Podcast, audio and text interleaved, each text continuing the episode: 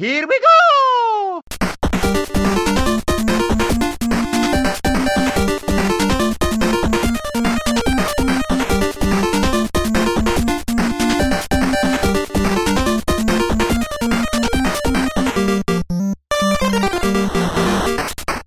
Welkom bij Buttonbashers, aflevering 28. De laatste aflevering van dit jaar, of de eerste aflevering van het volgende jaar. Het is maar net eh, wanneer we hem eh, online zetten. Ik denk dat het de eerste uitzending van 2014 zal zijn. Ja, gewoon wel. Anders kan, Niels, eh, anders kan Niels niet meer slapen dit jaar. Nee. Anders kan Niels niet meer slapen. Dan moet ik vanavond alles editen nog. Nou, jij hebt me wel eens gezegd, eh, Niels, dat je s'nachts het meest scherp bent. Dat is ook zo, dat is ook zo. Maar een podcast aflevering editen kost toch al gauw 6, 7 uur. Ja, dat, dat moeten we je niet aandoen. Dat Nee. moeten we je niet aan- Dan word je daarna een heel stuk minder scherp en waarschijnlijk voor eh, de rest van de week. Nou mannen, het, is een, het heeft een tijdje geduurd tussen aflevering 27 en aflevering 28. Ja, Maar mannen, wat is er veel veranderd in, eh, in die weken? bizar hè? Ja, Het, eh, het heeft mij verbaasd, moet ik zeggen. Voor de mensen die ons alleen ergens beluisteren en voor de rest geen idee hebben wat wij doen. eh, waarvan we zelf soms ook geen idee hebben wat we doen. Is nooit dat, eh, eigenlijk. Nee, zelden. Is dat in de tussentijd een eh, ja, bekend forum Palrox gestopt is. En eh, daar zagen wij een gat. En toen, Een eh, groot gat. een behoorlijk gat. En voor ons ook een belangrijk gat. Palrox was het forum van waar we elkaar kennen. Ja. Met wie we, ja, waar we contact hebben gelegd met elkaar. Waarmee ik contact heb gelegd met, met Niels. Waar ik jou ook van, van kende, Mike. En opeens was het er niet meer als een donderslag bij heldere hemel. Ja, het eh, was ineens van eh, het gaat stoppen, het gaat weg. En eh, nou ja, er kwam een ander forum voor in de plaats. Een, een, een puur Nintendo retro forum. En ja, dat, wij wilden toch met z'n allen net even iets meer. Dat we ook over Sega konden praten, of over Atari. En ook gewoon af en toe eens over de Wii U. Want ja, goed, wie wilde niet over de Wii U praten? Wie wilde inderdaad niet over de Wii U praten? En toen zei ik voor de grap eigenlijk tegen jou, Steve. Joh, dan moeten wij voor de grap geen forum beginnen bij Buttonbashers. Nou, voor mij was dat geen grap hoor. Nee, maar voor mij, ik zei het wel een beetje als, als grap. En eh, inmiddels is het er. Ja. En, ja, goed, op het moment van uitzenden weet ik niet, maar hebben we sinds twee weken, want we zijn nu twee weken, zeg maar, echt open voor het publiek, hebben we 119 leden, zijn er meer dan 5000 berichten geplaatst en eh, 301 topics. Ja, het loopt helemaal storm. Ja. Ik, denk, ik denk dat we dit niet hadden verwacht in onze stoutste dromen, toch Niels? Nee, ik in ieder geval niet. Nee. Ik, Maar eh, ik, ik ook niet en mijn dromen zijn vrij stout. het plan overviel mij persoonlijk ook nogal, want ik was toen aan het werk. En ik zag wel dat jullie op elkaar aan het reageren waren op WhatsApp, maar ik had geen tijd om daar actief aan mee te doen, omdat ik in een meeting zat. Maar toen ik in, eenmaal in de trein weer eh, naar huis ging, toen bleek dat het over een forum ging en je had alles al in werking gesteld, Steve. ja, zo ben ik een beetje. Ja, nou Maar ja, daar ben en, ik je zeer dankbaar voor. Ja, ik, eh, ja, het was gewoon een kwestie van op het juiste moment hulp krijgen van de juiste mensen. Er waren gewoon direct heel veel mensen die hulp aanboden nadat ik een bericht had gepost van joh, misschien willen en kunnen wij als buttonbashers hier inspringen. Nou, mijn mailbox stroomde echt gewoon over. Ik had echt gewoon binnen een, eh, een half dag had ik al een stuk of eh, ja, vijf, zes, zeven berichten gekregen van mensen die hulp aanboden, die het een geweldig idee vonden. En ik had toen op een gegeven moment ook zoiets, joh, we moeten dit gewoon doen. Want als we nu al zoveel reacties krijgen, hoeveel animo is er eh, dan wel niet? Ja, gewoon best wel veel animo. Ja. Wat Mike al zei, we hebben nu eh, bijna 120 leden. Op het moment dat deze uitzending eh, wordt uitgezonden, dan waarschijnlijk al meer dan 120. En wat ons betreft stopt het daar niet bij. We willen het forum echt een mooie, grote, levendige community maken. We willen groeien. We willen meer mensen. We willen mensen eh, die vooral heel actief eh, zijn met het bedenken van leuke topics, reageren op elkaar. We halen er voor onszelf, als ik namens mezelf spreek, ik haal er voor mijzelf gewoon heel veel energie uit om eh, ja, mensen op deze manier op ons forum ja, met elkaar bezig te zien. En wat we ook gewoon super gaaf vinden, is dat we nu ook veel duidelijker de band aan kunnen halen tussen het forum waar we op actief zijn, nu dus ons eigen forum, en deze podcast. Nou ja, wat, wat, wat ik eigenlijk het allerleukste eraan vind, is niet dat we een piek hebben gehad van de 31 mensen tegelijkertijd op het forum of 120, 120 leden. Maar ik vind het eigenlijk het leukste om te zien dat er mensen komen. En nou goed, ik zat denk ik anderhalf jaar, twee jaar Palrox of zo. Dat er mensen komen die niet van Palrox afkomen. Dus dat we gewoon ook echt nieuwe, eh, ja, nieuwe onbekende mensen binnenkrijgen. Het geeft toch aan dat het niet alleen maar een plek is waar uh, mensen die huilie huilie deden omdat Palrox ging stoppen, uh, hun toppetjes verder kunnen maken. Maar dat er dus blijkbaar genoeg interesse is voor andere mensen om, ook, uh, om zich ook te registreren. En, en gezellig, want dat is natuurlijk ons, ons keyword, ja. gezellig mee te komen praten over games. En dan, ja. ja of het nou retro is of over de games van 2014, om maar eens even een smal klein bruggetje te maken. Dat maakt eigenlijk helemaal niet zoveel uit. Nee, het draait ons in eerste instantie om de mensen en pas in tweede instantie om de spelletjes. Ja.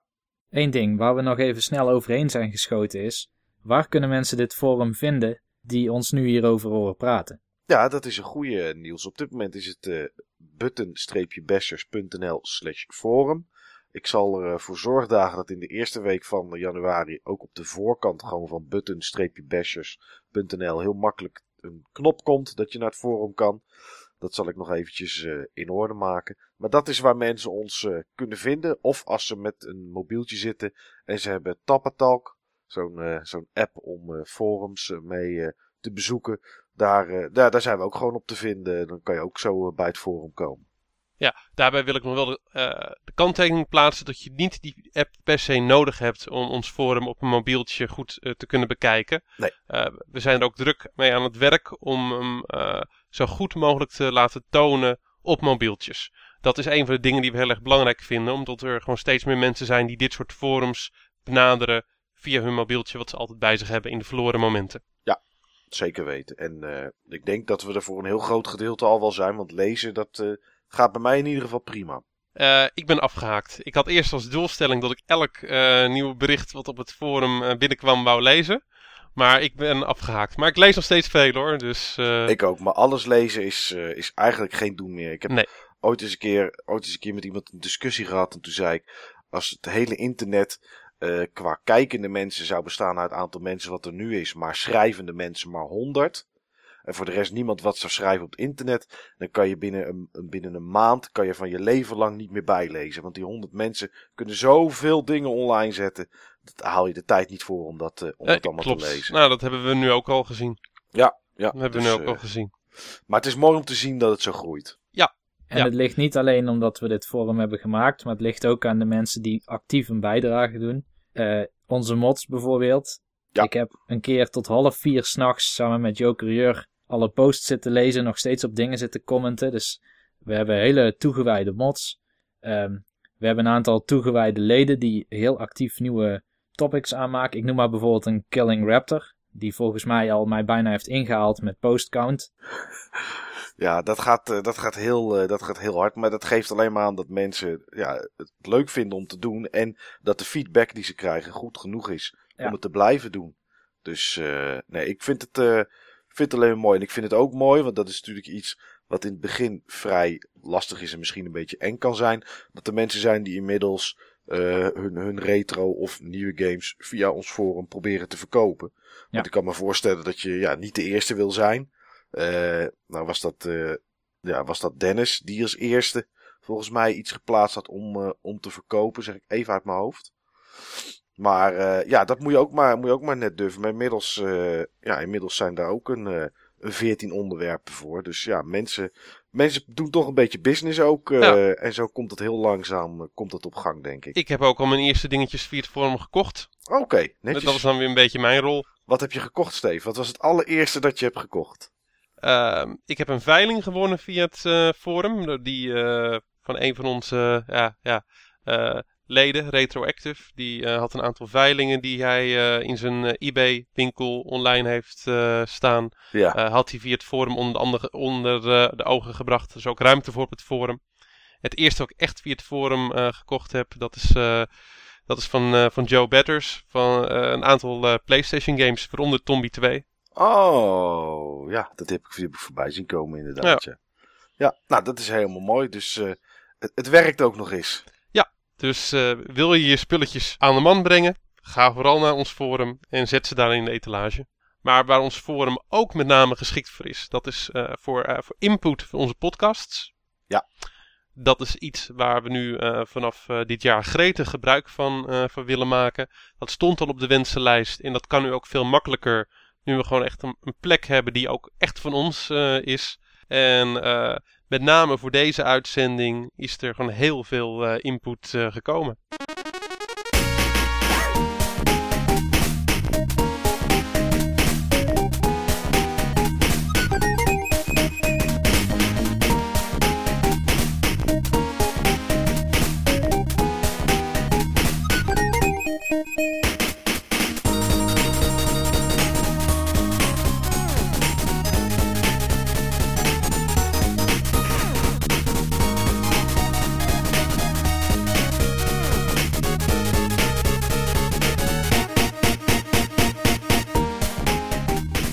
Het thema van deze uitzending, mannen?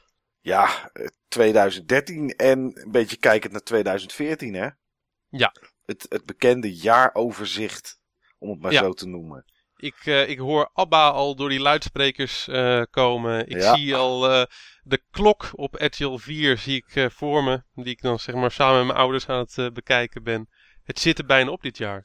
Ja, wat een maar jaar. Het was een mooi jaar. Het was uh, op heel veel vlakken een mooi jaar, maar ook op, op een aantal vlakken een beetje tegenvallend jaar. Ja, zeker weten. Zeker weten. Zullen we het eerst eens hebben over uh, de trends en opvallendheden van, uh, van dit jaar, mannen? Ja, ik moet heel eerlijk zeggen dat er is maar één ding opgevallen. En ik weet eigenlijk niet of die, of die bij de trends en ontwikkelingen hoort. Of dat hij straks bij de beste games van 2013 uh, moet horen. Maar wat mij opviel is dat er dit jaar eigenlijk heel weinig goede AAA games uitgekomen zijn.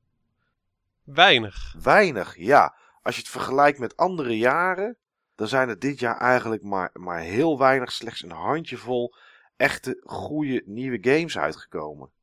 Oké, echt nieuwe games, nieuwe IP's. Nou, hoeft niet deze nieuwe IP's te zijn. Neem een Bioshock Infinite, vond ik echt een goede game. Uh, is niet echt een nieuwe IP. Uh, want het, het is toch Bioshock en er zijn er al twee geweest. Ondanks dat het een andere plek was, et cetera, et cetera. Maar het principe was natuurlijk hetzelfde. Wapen in één hand, een soort van plasmid in je andere hand. Zoals je dat kent uit de eerste twee delen. Uh, GTA 5 was een goede game. Nou, zo zijn er nog een paar, maar daar komen we straks wel op. Maar het, het waren er niet zo heel veel. En dat viel, mij, dat viel mij vooral op. Ik weet niet of het jullie opgevallen is. Of dat jullie dat anders beleefd hebben. En mij is dat niet opgevallen, in ieder geval. Ik heb het ook niet op die manier uh, geleefd, okay. beleefd. Voor mij zijn er meer AAA-titels uitgekomen uh, dan ik uh, had kunnen en willen spelen. Oké, okay, nou ja, goed. Dan komen we daar misschien zo wel op als we langs de beste games komen. En ik jullie ga vertellen waarom dat echt niet de beste games van 2013 waren. Maar okay. uh, ja, nee, dat is, dat is eigenlijk iets wat mij, uh, wat mij opgevallen is. Voor de rest, de enige andere trend of opvallendheid is dat, uh, en ja, heel veel mensen vinden dat goed. En ik, ja, ik vind het soms een beetje stilstaan. Is dat de consument en dat doe ik vooral op de Xbox One, naar mijn idee net even te veel zijn gelijk of zijn eigen wil heeft gekregen. Dat vond ik wel opvallend dit jaar. Dat haakt wel in op iets wat ik ook als trend zag, inderdaad. We en zien is... heel erg nu dat fans zichzelf een soort recht toe-eigenen om uh, dingen af te dwingen. Ja, om bij ergens... contentleveraars. Ja. ja. Welkom in de social media wereld. Ja, maar ik vind dat. Ik, ik vind het niet zo prettig. Ik, uh, ik, ik, denk dat Niels bijvoorbeeld ook doelde op bijvoorbeeld een Mass Effect 3. Waarbij de fans in één keer gingen bepalen dat er een ander einde moest komen. Ja. En dat kwam er ook. Uh, nou ja, Xbox One. Hè, Microsoft komt met een aantal ideeën. Waar echt geen, we hebben het er al eerder over gehad. Waar echt geen slechte dingen tussen zaten. Ja, ze waren anders. Meer gericht op de toekomst. Mensen gaan zeuren. Ja, en als er maar genoeg mensen zeuren, dan, dan verandert het blijkbaar. Ja, maar dat kan ook heel positief zijn. Uh, om eventjes wat dingen daar in dezelfde lijn uh, voor te noemen. De PlayStation 4. Die, ehm, die zou in eerste instantie geen media kunnen streamen. Geen mp3'tjes af kunnen spelen. Geen, geen cd's af kunnen, kunnen spelen. Er zijn ook heel veel mensen over gevallen. Hebben ook hun ongenoegen over geuit op, op social media. En binnen een paar dagen, nadat het gewoon echt aan de grote klok gehangen was, had Sony al aangegeven: ja, we gaan het nu wel in een komende update erin stoppen. Ja. Dat, dat vind ik wel heel logisch. Kijk, dat zijn, feature, dat zijn ontbrekende features. Dat zijn ontbrekende features die zijn gespot. Mensen zijn daar verontwaardigd uh, over. En vervolgens doet een bedrijf er wat, uh, wat mee. Ja, maar wie, vindt, is... wie vindt dan dat dat ontbrekende features zijn? Nou, in dit geval dus een, uh, een grote groep mensen. En het, het, is ook logisch, want het waren gewoon features die in de PlayStation 3 zaten die in veel andere spelcomputers zaten. En die ze er gewoon uit hadden gehaald. Met name om hun eigen streamingdiensten uh, te promoten. Uh, zeg maar betaalde diensten. En ik vind het gewoon logisch van dat je mp3'tjes af kan, moet kunnen spelen via zo'n apparaat. En mensen waren dat een beetje aan gewend. Kijk, die Xbox One situatie, dat vind ik anders. Daarbij had Microsoft een bepaalde visie. Ja. En daar liepen ze gewoon met hun visie eigenlijk te ver voor de troep uit. En de troepen gingen muiten. Dat is eigenlijk een beetje zoals de situatie, situatie was. En ze hebben het ook aan hunzelf te danken hoor. Ze hebben het echt aan hunzelf te danken. De communicatie is slecht. Die communicatie was gewoon echt heel slecht. Ja, ik die zag, was gewoon uh, echt heel slecht. Ik zag vandaag toevallig een plaatje van de GameStop in Amerika. Daar stonden Xbox Ones die je kon kopen. En de GameStop had zelf op karton hadden ze daar uh, een soort van advertentiebord gekleurd getekend waarop stond uh, je hoeft echt geen Kinect aan te sluiten. Je kan en offline en online spelen. En je kan tweedehands games kan je, kan je uitwisselen. Puur omdat blijkbaar de klanten nog steeds het eerste idee van Microsoft in mei met hun presentatie in hun oren hadden. Ja. En, en ja, dat is de. E- in, in al die keren dat ze uh, promotie hebben gedaan of iets hebben willen aanstippen omtrent de Xbox One, is eigenlijk dat het enige bericht geweest wat ze goed naar buiten hebben gebracht. Want dat is wat iedereen nog weet. Ja, maar dat was ook zeg maar bij uh, de presentatie, de eerste presentatie. Dat was ook iets wat het hele internet over is gegaan. En wat zeg maar de dag daarna ook uh, verteld werd op mainstream journaals. Ja. Uh, mainstream radio journaals. Ja, dat is gewoon heel krachtig dan, en dat blijft hangen. Ja, ja, en als later het aangepast wordt, dan ja. is dat wat kleiner nieuws. En ja, dan pakt een, een Fox Nieuws in Amerika of zo, noem maar even wat niet op. Ja, dan. Uh... Maar goed, ik, uh, ja, ik weet niet hoe dat met die MP3'tjes is gegaan bij Sony. Kijk, als het gewoon mensen zijn die zeggen van ja, wij zouden dat graag willen, vind ik het anders dan dat mensen echt gaan klagen dat het niet meer kan. Nou, het zit heel dicht tegen elkaar aan uh, natuurlijk. Maar uh, er waren ook gewoon echt mensen die zeiden van... joh, waarom ontneem je me het recht om eigen muziek af, uh, af te spelen? Via jullie apparaat, wat ik voorheen altijd kon. Ja. Nou moet ik een apart apparaat kopen... waar ik normaal gesproken had jullie device voor gebruikt. Ja, is ook wat voor te zeggen. Ja, weet je wat dan wel vreemd is? Toen ik ooit een keer schreef over de Wii U... en dat die geen dvd's kon afspelen, gewoon geen films... Ja. Toen vonden alle Nintendo-fans dat je niet moest zeiken. Want je had al zoveel apparaten staan bij tv die dat wel konden. En nu doet Sony geen MP3's ondersteunen, waarvan je vast ook 20 apparaten bij tv hebt staan. Of weet ik veel wat. Die ja, wel ik, kunnen. Ik denk de gemiddelde consument toch iets minder. Kijk, ja. die dvd's, dat vind ik ook een beetje een, uh, ja, een non-issue uh, inmiddels. Ik vind dvd's überhaupt niet echt iets... Uh, ja, dvd's zit ik al niet op te wachten. Nou ja, dvd's of blu-rays maakt in dit geval maar ja. niet zoveel uit. Maar goed, ik kijk nog liever een film op blu-ray dan dat ik het bijvoorbeeld via Netflix kijk. Dus voor mij, weet je, dus voor mij, ik, ik, vond, ik vond het raar dat, het, het, dat het er niet in zat. Het punt is, het punt is helder, uh, ja. Mike. Ik denk dat veel mensen het ook met je, met je eens uh, zijn. Uh, op het forum werd in ieder geval de Xbox One presentatie of de Xbox One fail, zoals veel mensen toch een beetje zien en benoemen.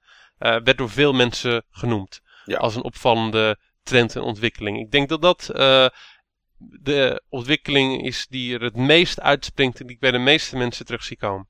Ja, en dan, dan vraag ik me alleen af of het de veel is dat ze geturnd zijn of dat ze hem als eerst zo bedacht hadden. Ja, dat klopt. Dat klopt. En daar wil ik zeg maar met een van mijn trends direct eigenlijk een antwoord uh, op, uh, op geven. In ieder geval voor mezelf. Ja. Um, wat ik zelf als een, uh, als een mooie en gave trend zie, en gave ontwikkeling zie van 2013, is het aankondigen van, van de Steam machines en het almaar populairder worden van, van Steam. Ik heb het gevoel dat elke Steam Summer Sale, Winter Sale of andere promotie gewoon weer meer aandacht oplevert en meer sales en dat er steeds meer mensen op de Steam-trein springen. Ik las laatst dat er op dit moment meer actieve gebruikers zijn van Steam dan op Xbox Live. Ja, gisteren of eergisteren hebben ze een nieuw record gehaald met 7,6 miljoen eh, Steam-gebruikers tegelijkertijd online. Ja, dan vind ik het niet gek dat die servers een beetje piepen en kraken op zo'n moment. Nee, aan de andere kant, eh, mijn Steam staat ook dag en nacht aan, ook al ben ik aan het werk. Dus het is ook makkelijker om online te zijn. Ja. Maar goed, dat is natuurlijk altijd zo. Maar ik vind het ook, ik vind het ook mooi. Ik vind eh, de Steam Machine, de Steam Box, of hoe je het ook wil noemen. eh, straks is het eigenlijk alleen het OS natuurlijk, want ze gaan zelf Ja. geen dozen verkopen. Ik vind het mooi. Ik ben er blij mee, want ik hou van, van open source. Alleen ben ik wel bang dat het voor een, voor een kleine groep interessant wordt. Eh, dat denk ik ook. Maar wel een belangrijke kleine groep. En wel een, eh, een groep waarmee ze zeg maar extra hun, eh, ja, hun vat op de markt kunnen, eh, kunnen vergroten. Want hun, hun PC-platform valt niet weg of zo. Nee, nee, nee. Het is, het is, het is toegevoegd inderdaad. Hè. Het, is natuurlijk, het is natuurlijk erbij. Alleen, ik, ik, ik hoop voor de mensen in het, in het land, om het maar zo te noemen, die ooit eens een keer het- daar lucht van krijgen, of die het interessant vinden, dat ze wel weten wat ze in huis halen. Want het is natuurlijk een, een Linux-machine. Er zijn, eh, natuurlijk zijn er genoeg games die op Linux draaien, maar eh, als je Call of Duty wil spelen, dan, hè, dan heb je pech, want die draait niet op Linux. Nee. Ja, je kan het streamen. Hè, als, je, als, je, als je het op je Ja. PC hebt staan. Maar je moet wel in je PC een goed genoegen videokaart hebben zitten. Ja, ik wil overigens wel bijzeggen, Call of Duty werkt nu niet op Linux. Ik denk wel als dit platform aan gaat slaan. En ik denk dat het genoeg aan gaat slaan om, eh, om daarvoor te zorgen. eh, ja, gaan, gaan er ook gewoon games geoptimaliseerd worden, specifiek voor dat platform. Ja, ik of denk zie, wel- jij, zie jij dat anders, Niels? Nou ja, ik, ik weet het eerlijk gezegd nog niet zo goed met, eh, met de Steambox. Want ik hoopte dat het gewoon een systeem zou zijn dat draaide op een soort lichtgewicht Windows of zo. Maar ze hebben natuurlijk voor, eh, voor Linux gekozen. Ik vermoed eigenlijk dat het toch meer een soort indie box gaat worden. Ja, dat zou, dat zou kunnen. Dat zou, eh, dat zou heel goed kunnen. Kijk, over een jaar of twee, drie, dan mensen die dan een PC kopen en mensen die nu al een PC kopen met een, eh, met een Nvidia kaart erin. Eh, ja, die zijn, weet je, die kaart die daarin zit, die is krachtig genoeg om dat, om dat streamen te laten werken over je, over je netwerk heen. Want je hebt er minimaal een, een GTX 760 nodig, zeg ik even uit mijn hoofd. En eh, nou ja, die heb je al voor het slordige 200 euro. Alleen je moet wel, hè, je, moet, je moet wat meer kopen. Dus je moet ook een kast bij je PC of bij je tv hebben staan. Dus je hebt wel alle twee tegelijkertijd aan. Dus het zou het mooiste zijn als er meer games kwamen inderdaad die voor Linux geoptimaliseerd eh, optimaliseerd worden en daarop gesupport worden. En dan kan het wel eens heel groot worden, omdat, ja, weet je, je eh, eh, niemand hoeft dan meer een, een popcorn te kopen of een, eh, Ja. of noem maar een andere mediaspeler, want dat laat Klopt. je gewoon het apparaat straks doen. Klopt. Ik ben er echt zeer enthousiast over, omdat ik hoop en denk dat ik er drie apparaten mee kan eh, vervangen. En dat zijn, Eh, nou, nou drie mee, eh, twee apparaten mee eh, kan vervangen en een nieuw apparaat dan neer eh, kan, kan zetten. Dat zijn inderdaad mijn mediaspeler en dat zijn mijn set-top box voor mijn tv. oké, ja. dat, die kans acht ik gewoon zeer groot. En ja, daarmee zet ik dan gewoon weer een nieuwe console neer. Een console-achtig apparaat, want het blijft natuurlijk gewoon een PC in een console jasje. Ja. Maar het idee spreekt me gewoon echt heel erg aan. De uitbreidbaarheid ervan, zowel hardwarematig als softwarematig. Eh ja, ik, ik heb het al heel vaak gezegd, ik ben geen PC-gamer. Maar een aantal dingen van, eh, van PC-gamen spreekt me gewoon heel erg aan. En Steam is er één van. En dit is voor mij gewoon, voor het soort gamer wat ik ben, is dit gewoon een perfecte brug naar dat platform toe. Ik Ja. ben gewoon veel meer gericht voor gamen op mijn huiskamer dan op mijn PC. Ja, als, eh, als Oculus Rift ook naar eh, de Steambox komt, dan weet ik zeker dat ik er eentje haal in ieder geval. Oké, maar je had hem niet op je eh, lijstje staan, de Oculus Rift, eh, Niels? Nee, trends voor 2013 zat nog niet echt de Oculus Rift in. Ja, dat zie ik echt als een 2014 device. Ja, oké. oké. eens. Eens. Het is ook meer natuurlijk aangekondigd voor 2014. Maar er zijn wel al veel mensen die hem op hun hoofd hebben gehad in, eh, in prototypen. En er zijn veel mensen die erover geschreven hebben. Ja, ik zelf ook. Jij zelf ook. Wat had je nog wel op je lijstje staan dan, Niels? Daar ben ik wel benieuwd naar. Nou, ik heb op mijn lijstje nog wel staan dat eh, de traditionele gamesindustrie en de indie-industrie hebben een soort vorm gevonden waarin ze beide kunnen bestaan zonder direct in elkaars vaarwater te zitten. als je kijkt ook hoe, het, hoe de games worden aangeboden. Ik noem maar wat, op de e-shop is indie games gewoon een aparte categorie. Ja. En uh, toen, uh, ik noem maar wat, bij Xbox Live in het begin, toen had je titels als, als Braid. Dat waren een van de eerste grotere indie games. En Limbo kwam natuurlijk daarna. Ja. Waren niet echt te onderscheiden van de gepublished titels. Nou, sterker nog, dat waren gepublished titels. Want uh, je moest ook als indie game op de Xbox Live Arcade een publisher hebben. Anders kwam je er gewoon simpelweg niet op. Ja, oh, dat weet, klopt ja. Ik weet niet hoe het bij Sony zat. Eerlijk gezegd, daar hoefde dat volgens mij niet. Daar hoefde dat niet, inderdaad, nee. Nou, laten alleen, we zeggen dat... alleen ja, dan had je toch een publisher voor, uh, voor de Xbox. En ja, dan uh, gebruikte je meestal daar ook voor. Ja, dat zag je bijvoorbeeld bij Bastion, een indie game. Maar daar ben ik toch om dat een keer te previewen gewoon bij Warner Brothers op het hoofdkantoor geweest. Omdat, dat, omdat die degene was die dat ding publishte. Ik was gisteren langs bij uh, The Mill. Jullie kennen The Mill wel. Ja, natuurlijk. Oh, uiteraard kennen wij The Mill. Ja. En uh, hij zit, uh, volgens mij is hij nu bezig met wat, uh, wat grotere projecten, echt gameprojecten, digitale ja. gameprojecten. Oké, okay, cool. Maar um, we hadden het toevallig over die indie game industrie en het is natuurlijk wel, we moeten ons realiseren dat veel van de AAA developers van nu waren indie game developers in de jaren 80, 90. Klopt. Naughty Ja. Dog, ik noem maar wat. Ja, Ja, en andersom gebeurt het nu ook veel, hè? Dat de mensen eh, grotere namen weggaan bij grote ontwikkelaars en een indie studio beginnen. Ja. Eh, ik moet om sommigen wel lachen. Neem Pieter Molyneux met zijn 27 blikjes. Hè, zoals dat bedrijf van hem, eh, van hem heet. Nou, hij heeft iets gedaan met een kubus. En daarna hebben we helemaal niks meer van de beste man gehoord. Maar, maar weet je wat het daar... En dat is, dat is dan het enige wat ik aan veel indie games tot op heden... Want ik moet zeggen dat het een beetje kantelpunt op dit moment is. Mhm. Uh, misschien is dat wel ook wel een mooie trend. Dat die ontwikkelaars uit de jaren 80, 90, dat dat een beetje is blijven hangen vaak bij indie. Hè, indie, uh, ah, we maken gewoon 8-bit graphics en 8-bit muziek en dan zijn we hipsters. En dan uh, maken we iets wat lijkt op een game uit de Commodore 64 tijdperk. Wat ook zo speelt het liefst nog, met een beetje houterige, houterige besturing. En dan hebben we een indie game. Alleen wat, wat je nu wel ziet, is dat indie games wel echt ook steeds mooier worden. Neem bijvoorbeeld een, een Outlast of een Contrast. Uh, dat zijn indie games, maar Ja. die zien er gewoon eigenlijk grafisch als AAA games uit.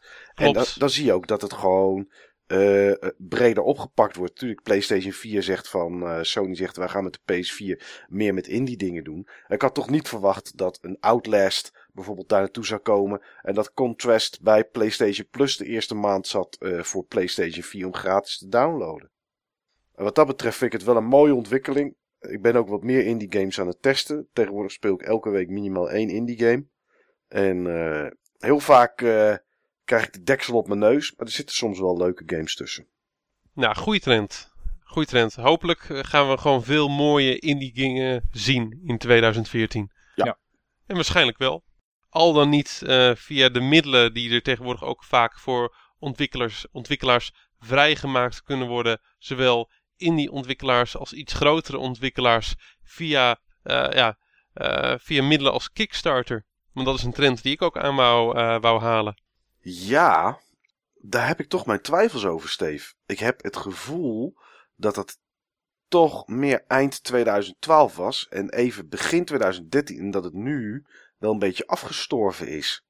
Ja, maar de, de projecten moeten nog opgeleverd worden, hè? De belangrijkste Kickstarter projecten. Ja. Ja, dat klopt, dat klopt. Uh, neem, die van, uh, neem die van Double Fine, bijvoorbeeld. Die, uh, die, die adventure game die nog moet, die nog moet komen. De RPG van Obsidian. Project de, de, Mighty, de Mighty Nine, zeg maar. eh, die game van ja, de designer van, van Mega Man. Ja, Van ja. de Mega Man X games. Ja, die is volgens mij gisteren of eergisteren op het moment van opname dan uh, is die gestopt. En ze hadden volgens mij een goal van 900.000 dollar. En die is op 3,8 miljoen dollar geëindigd. Dus dat geeft wel aan dat als je nog steeds een goed project hebt, Ja. dat het nog steeds kan. En ik denk wel op het moment dat deze games opgeleverd zijn en ze zijn cool. eh, denk ik wel dat het weer een nieuwe eh host aan eh, Kickstarter projecten gaat, ja, gaat triggeren. Ja. Ik denk dat heel veel mensen op dit moment ook gewoon niet meer bereid waren om hun geld in dit soort dingen te steken. Omdat ze gewoon simpelweg nog niks teruggehaald hadden voor de eerste keer van dat ze dat hadden gedaan. Maar op het moment dat, dat, ja, dat die games te installeren zijn of uitgebracht worden, ja, dat eh, denk ik dat het ook een stukje fulfillment geeft aan die backers. Ja, ja, de mensen moeten natuurlijk vertrouwen in hebben dat als ze zeggen dat ze iets gaan doen en het project slaagt, dat het product ook echt komt. Dat Ja. is, eh, maar Obsidian eh, is natuurlijk nu bezig met Project Eternity dan, die RPG.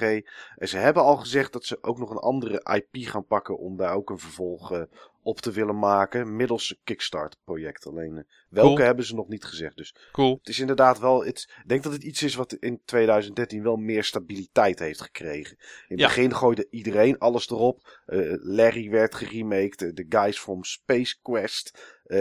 weet ik veel wat allemaal wat je voorbij zien komen. En er zijn er heel veel misschien wel gelukkig op hun gezicht gegaan. Die Ja, met als, met als eentje die ik uit zou willen pikken, het project van de- die gast achter Silicon Knights. Ja. Eh, die, die enorme hork, eh, wat ik er altijd van gelezen heb en eh, wat heel veel mensen ook eh, beamen. Ik ben even zijn naam kwijt. Weet jij zijn naam, eh, Niels? Van Silicon Knights. Is Ja. dat eh, niet Dennis Dennis Dyack. Dyack, juist. Ja, Dennis Dyack. Eh, die bezig was om zeg maar, met een nieuw team van voormalig Silicon Knights eh, mensen geld op te halen voor een opvolger van Eternal Darkness. Ja. Nou, toch niet de minste game. Nee. Maar is gewoon hopeloos gefaald, omdat eh, heel veel mensen ook de verhalen wil kennen over Dennis Dyack. En eh, hoe die een aantal projecten echt zo'n beetje heeft eh, gewurgd met, met Silicon Knights. Ja. Puur door het amateuristisch te managen. ja, en hij stond op Kickstarter. Toen hebben ze hem eraf gehaald. En toen hebben ze hem later nog een keer geplaatst. En toen heeft hij het niet gered. Dat ding heeft er twee keer opgestaan. Klopt. En ja, blijkbaar terecht dat hij het niet gehaald heeft. Maar we hebben gelukkig ook in Nederland wel een paar succesjes op Kickstarter gebied gehad. Hè? Eh, die Awesome Not Starstorm had een goal van 125.000 en heeft toch 345.000 opgehaald via Kickstarter. En dan heb je nog zo'n eh, zo'n game van studenten. Karma Flow heet dat. Dat is een soort eh, rock-opera game. Met het Metropoolorkest wordt dat gemaakt. En die hebben weliswaar niet hun, hun echte goal behaald, maar wel in een downscaled vorm dat ze het toch uit kunnen gaan voeren. Oké. Door Kickstarter. Nou, dat is ook al zeg maar iets, eh, iets waar je trots op mag zijn. Zeker weten. Nog, had jij nog andere trends eh, en opvallenheden, Steve? Twee, die ik er nog eventjes uit zou, eh, zou willen lichten. Dat zijn het eh, uitstellen van grotere releases, met name next-gen eh, releases. Toch een aantal echt hele grote games die eh, of doorgeschoven is naar 2014, waarvan we dat niet hadden verwacht. Een Drive Club, een, Een Watch Dogs, een Wii Fit U. Dat, eh, alle Nintendo releases die leken dit jaar wel eh, vervloekt qua datum dat ze zouden moeten, moeten uitkomen. Ja, games die helemaal zijn uitgekleed, zoals Killer Instinct. Ik denk dat het ja, toch ook niet de meest complete en de meest ideale vorm is om die game te releasen met, eh, met zes eh, karakters. Eh, ja, dat vond ik wel opvallend. En vooral Ubisoft dan eigenlijk wel. Hè? Als je kijkt naar Watch Dogs. Als je kijkt naar The Crew. En South Park. Die inmiddels voor Ja. de vierde of vijfde keer al is uitgesteld. Ja. Logisch, was eerst van THQ. THQ ging kapot. Dus ja, logisch dat hè, dat, dat, dat, dat dan eh, vertraging eh, zou opleveren. Maar hij zou eerst in mei komen. Toen werd hij verschoven. Toen zou hij eindelijk in december uitkomen. Stond ook al in trailers. En toch, nu ook weer verplaatst. Ja. Moet ik wel zeggen, bij die laatste denk ik dat het ehm, project ook gewoon echt niet zo goed ging. Volgens mij hebben ze het, hebben ze het laatst nog gezegd van ja, hadden eigenlijk twee keuzes. Ehm, we hebben het ook, zeg maar, het finale product eh, laten zien aan de mannen van, eh, van South Park. En die voelden niet echt helemaal optimaal. En dan heb je, eh, zeg maar, de keuze om het te releasen. Terwijl de bedenkers eigenlijk ook niet achter staan. Of om het roer volledig om te gooien. En dan hebben ze toch op een gegeven moment weer een keer het roer volledig omgegooid. Nou ja, wat me daaraan al opviel was dat afgelopen Gamescom was duidelijk dat de game, tenminste achter de schermen, was duidelijk dat de game in december uit zou komen. En hij was, we konden er zelf als, als journalisten niet mee spelen. We kregen alleen een demootje te zien van mensen die het voor, voor wat publiek speelden. En dat is niet ongebruikelijk hoor. Maar dan is dat vaak met een game die pas over twee jaar komt. Ja, dat is geen goed teken. Nee. Dat is geen goed teken. Nee, dus dat was al een beetje vreemd. En je had nog een eh, trend? Ja. Ja, dat is ook de trend waarmee ik wil, eh, ja, voor mij wil afsluiten wat ik zelf aan trends eh, heb, eh, heb gespot. Dat is de enorme stroom aan kwaliteitscontent die Nintendo dit jaar heeft uit weten te poepen. Dat vond ik een hele opvallende. Ik was het zelf even vergeten.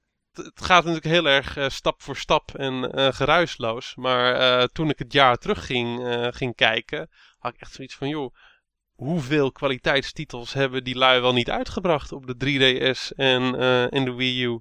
Ze bleven maar komen. En er is echt gewoon in de recente jaren, is er gewoon geen, geen jaar geweest, omdat ik zoveel gespeeld heb op Nintendo systemen. Ik kan je wel zeggen, dat, dat was niet hoor, op de, op, eh, op de Wii. En eh, voordat eh, de 3DS er was, of in het eerste jaar van de 3DS. Het was echt gewoon een soort van tsunami aan sterke Nintendo-titels. Nou, ze hebben wel gas gegeven. Dat is Ja. een ding dat zeker is. Eh, het heeft ze op de 3DS meer gebracht dan op de Wii U. Dat, Ja, laten, we het, laten we het zo noemen. Maar eh, nee, ik vond echt eh, qua hoeveelheid eh, content... heb ik me enorm goed weten te vermaken met Nintendo. ja. nee, ik kan, er geen, ik kan daar niks tegen inbrengen, Steve. Klopt. Ja. Ik heb ze helaas nog niet allemaal die ik zou willen hebben. Maar dat komt in de komende maanden wel goed. En, en ook, tenminste in ieder geval voor de 3DS, zaten er ook een paar niet-Nintendo zelf ontwikkelaars bij. Neem bijvoorbeeld een Bravely Default. Ja. Die eh, van Square, die, ja, Klopt. waar mensen over hoor dat ze hem zelfs beter vinden dan eh, Link Between Worlds. Nou, dat is een smakenkwestie, maar als mensen dat soort dingen al zeggen, dan, nou, dan mag Nintendo wel trots zijn op, eh, op de 3DS en hoe die Ja. het doet. Daar eh, moet ik nog aan, aan beginnen, aan Bravely Default. Dus hij zal niet bij mijn Game of the Year staan. Maar ik heb inderdaad veel mensen daar met heel veel positiviteit over horen spreken. Ja. En is eigenlijk direct een mooi bruggetje naar het eh, volgende onderwerp wat er op eh, de lijst eh, stond. Of staat. De Game of the Year.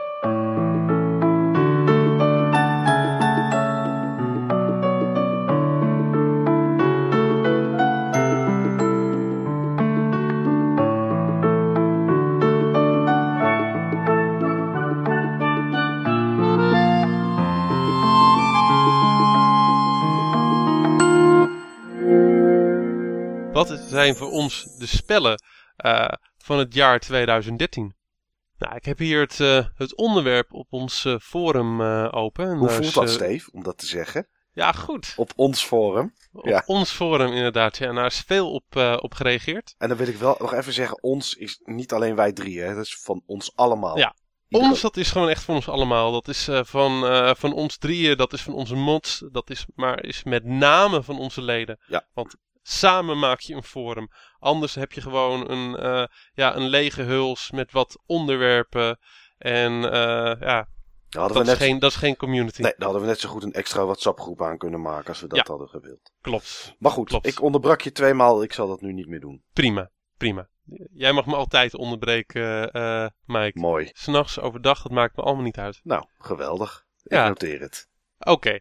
Nou, ik heb in ieder geval zeg maar, dat onderwerp hier, eh, hier voor me. En ik, eh, ja, ik zie daarin zowel een aantal eh, opvallende titels die mensen noemen, als een aantal titels die ik toch vaak terug zie komen. Nou, titels die ik vaak terug zie komen. Pokémon X en Y. Ja. Nou, logisch, gewoon een hele geliefde franchise. Ook een hele goede versie van die franchise. Nino Kuni. Ja, Een, ja, een game die gewoon aantoont eh, hoeveel leven er nog in de JRPG eh, zit. En die ook echt heel goed eh, kritisch ontvangen is eigenlijk op alle sites. Ja, nou niet door mij, maar wel door veel sites inderdaad. Wel door veel sites. nou, daar gaan we het daar zo nog over hebben, ja, hij komt in ieder geval niet op Niels' zijn, top 3 lijstje. Dat weten we ook al. Nee, in mijn top 3 disappointments. Oké, nou, een game die ik in ieder geval in één persoon zijn top 3 lijstje wel, eh, wel terug verwacht. En die ik graag had willen spelen, maar waar ik gewoon nog simpelweg niet aan toegekomen ben. Bioshock Infinite. Eh, volgens mij is dat gewoon eentje die ik echt heel snel moet, eh, moet spelen. Eh, wat ik ook opvallend vaak terug zie komen. Ik denk dat dat de twee games zijn die het vaakst genoemd zijn in dit topic als ik het zo snel even stel. Eh, en dat zijn Tomb Raider. Ja, Die, die vond ik opvallend. Maar eh, die, daar heb ik nu ook extra aandacht voor gekregen. Omdat er zoveel leden, onder andere, eh, onder andere de Heather Grace, onder andere Dennis zie ik, eh, zie ik zo snel. Ja, Dennis, ja. Ja, volgens mij eh, zijn die er allemaal heel erg positief eh, over. Oké. Maar eh, de game die ik het vaakst terug zie komen, The Last of Us. Ja. En dat was juist weer een game waar ik zelf eh, wat minder eh, snel door gegrepen eh, ben. Maar waarbij ik wel het gevoel heb van dat ik hem echt wel een kans moet geven. Want er zijn gewoon eh, ja, zoveel mensen die, eh, ja, die daar positief eh, over zijn. Ik snap het niet. Ik snap het werkelijk niet. Ik zeg niet dat het een slechte game is. Maar ik snap niet hoe je eh The Last of Us als Game of the Year materiaal kan eh, bestempelen. Dat, dat snap ik niet. En ik zal je vertellen waarom. We hebben het er al eerder over gehad. Maar ik heb er uiteraard aan, hè, aan, aan de hand van, wat we, van deze uitzending heb ik er nog eens over nagedacht. En mensen zeggen van ja, het verhaal, het verhaal greep me zo aan. Ja, dat snap ik. Het verhaal, tenminste wat ik gespeeld heb, en ik heb er 10, 12 uur in zitten, snap ik. Alleen de gameplay die zo herhalend is. En elke keer hetzelfde, hetzelfde patroontje. Het, al die dingen die zoveel terugkomen en zo repetitief zijn, dreven mij niet tot het verder spelen omdat het verhaal me zo greep. Dus ik begrijp het niet. Ik begrijp dat mensen liefde hebben voor Naughty Dog omdat ze eh, Crash Bandicoot leuk vonden of omdat ze eh, Uncharted tof vinden. Al snap ik dat bij de derde Uncharted ook niet. Ik denk dat, en dan wil ik niet gelijk mensen bestempelen, maar ik doe het toch. Ik denk dat er een redelijk fanboyism-achtig iets steekt achter een aantal meningen omtrent The Last of Us. Nou, ik denk Nou, het... dat- Ja, ik zie hoe je dat kan denken, maar ik denk niet dat dat het is. Dat denk ik ook niet. Volgens mij is het met name gewoon dat character development en het stuk emotie wat er zeg maar tussen die karakters wordt, wordt opgebouwd. Wat ik heel veel mensen heb zien noemen. Eh, ja, die, die die game gewoon eruit lichten voor, eh, voor mensen. Ik, Ja. eh, Ja, ik, eh, om daarop in te haken. Ik denk, kijk, voor mij is het heel duidelijk. Voor mij is de kern van een game is hoe die speelt. En de mechanics daarvan. En of dat die of heel vernieuwend zijn, of op een hele goede manier gerecycled zijn, of verbeterd zijn, of wat dan ook. Het gaat wat mij betreft om die, om die regelset van de game. En dat is heel logisch, want A, ik, ik ben natuurlijk een game designer. B, eh, ik ga al heel lang mee met, eh, met games. Ik heb vroeger op de Commodore 64 gespeeld. Ik heb allerlei dingen heel erg zien veranderen, maar één ding is relatief hetzelfde, min of meer gebleven. Of er is wat minder in, eh, in veranderd. En dat is eigenlijk die gameplay. Nog steeds spelen we spellen die om dezelfde paradigma's ontworpen zijn. Oh, het zijn nog steeds dezelfde genres. Goed, er is wat kruisbestuiving tussen genres. Veel action games die hebben ineens RPG-elementen, ik noem maar wat. Maar we herkennen nog steeds heel duidelijk eh, een racegame in een racegame. Of een hack and slash in, eh, in Ninja Gaiden, ik noem maar wat. In de nieuwe versies van Ninja Gaiden. En daarom is het denk ik dat mensen die heel erg in de retro scene nog zaten, of die, die daarmee zijn opgegroeid, die zien dat nog steeds als de kern van wat een game is. Maar ik denk dat er inmiddels ook generaties zijn die eigenlijk zijn opgegroeid eh, wat later, zeg maar. Toen er al heel veel nadruk werd gelegd op allerlei andere componenten van games die ook heel belangrijk zijn. En die zien die core gameplay als een component, maar niet per se het essentiële component van de game. Ja, nou, ik weet niet of het een bewust iets is. Het is ook gewoon wat een game met je doet. Hè? En op het moment van de karakters en het verhaal gewoon met je connecten. Kijk, we zijn allemaal gewoon ook mensen. En op het moment dat iets je gewoon grijpt, ja, dan grijpt het je. Ja, maar goed. En ik denk, Game of the Year. Eh, Ik, mensen kunnen ook, ik noem maar wat, eh, bij Battlestar Galactica, de tv-serie, daar connect je ook met het verhaal en de karakters. Maar dat maakt het geen Game of the Year, want het is een tv-serie. Dus als we het hebben over Ja. Game of the Year, dan denk ik dat sommige mensen een ander begrip hebben van wat een game dan zou kunnen zijn of zou moeten zijn. ja, Niet iedereen vindt die, het, het gameness eraan, de regels, de mechanics, even belangrijk. nee, Ik ben, iedereen. het, ik ben het met je eens, eh, ik ben het met je eens eh, Niels. Maar eh, ik denk dat het voor veel mensen gewoon moeilijk is om het op die manier eh, te scheiden. Kijk, vroeger in, eh, in het 8-bit tijdperk, iets mindere mate het 16-bit tijdperk, was het gewoon alles wat je had. Had je alleen die mechanics, hoefde je het niet te hebben van eh, de geweldige acteerprestaties die werden neergezet door de voice actors, van die waren er niet. Dus eh, ja, wat, wat dat betreft leven we ook gewoon, leven we gewoon in een tijd waarin zeg maar eh, de emotie die een game oproept ook steeds zwaarder telt. Ja. Ja, dat, dat is wel zo. Alleen het enige wat ik, wat ik dan bij zo'n game als dit wat minder eh, vind gebeuren, is wat, wat jij net aanstipte, Steve, wat veel mensen dan eh, mooi vinden, zeg maar, aan, aan The Last of Us. Character development. Ja, het is, dat is wel character development waar ik geen invloed op heb. Dus het is hetzelfde als naar een film kijken. Daar heb je ook mooi character development. Alleen daar heb je überhaupt nooit invloed op. En als je een game hebt, zou je keuzes kunnen maken. En dan zou je zo op die manier je eigen karakter een beetje kunnen developen. En ik vind dat dat bij. eh, en dat is een keuze die Naughty Dog maakte. Hè, eh, dat bij heel veel Naughty Dog games. En dat gevoel hadden ze, hebben ze een beetje weggepoetst bij The Last of Us.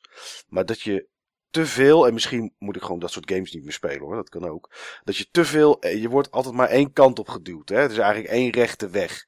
Je, Ja. beleeft, je beleeft het verhaal. En ik snap wel wat Niels zegt. eh, en dat, dat moet je ook herkennen. En heel veel mensen zullen dat ook herkennen die naar ons luisteren. Dat is dat wij opgegroeid zijn in, in, een- in een tijd. Hè, dat, wat je net al zei, Steve, dat verhaal niet zoveel boeide. Dus wij, wij speelden niet een verhaal. Wij speelden een game. En daar ging het bij om skills. En dat shift heel langzaam. Ja. Dat shift naar het spelen van een verhaal. Heel goed voorbeeld is daarvan Beyond Two Souls. Eh, een game die mijn ogen helemaal door is geslagen. Waarbij je helemaal geen keuzes kan maken. Of maar iets van vrijheid hebt. Waardoor het echt een draak van een titel is. eh, in mijn ogen. Maar je, je, je kan daar niks.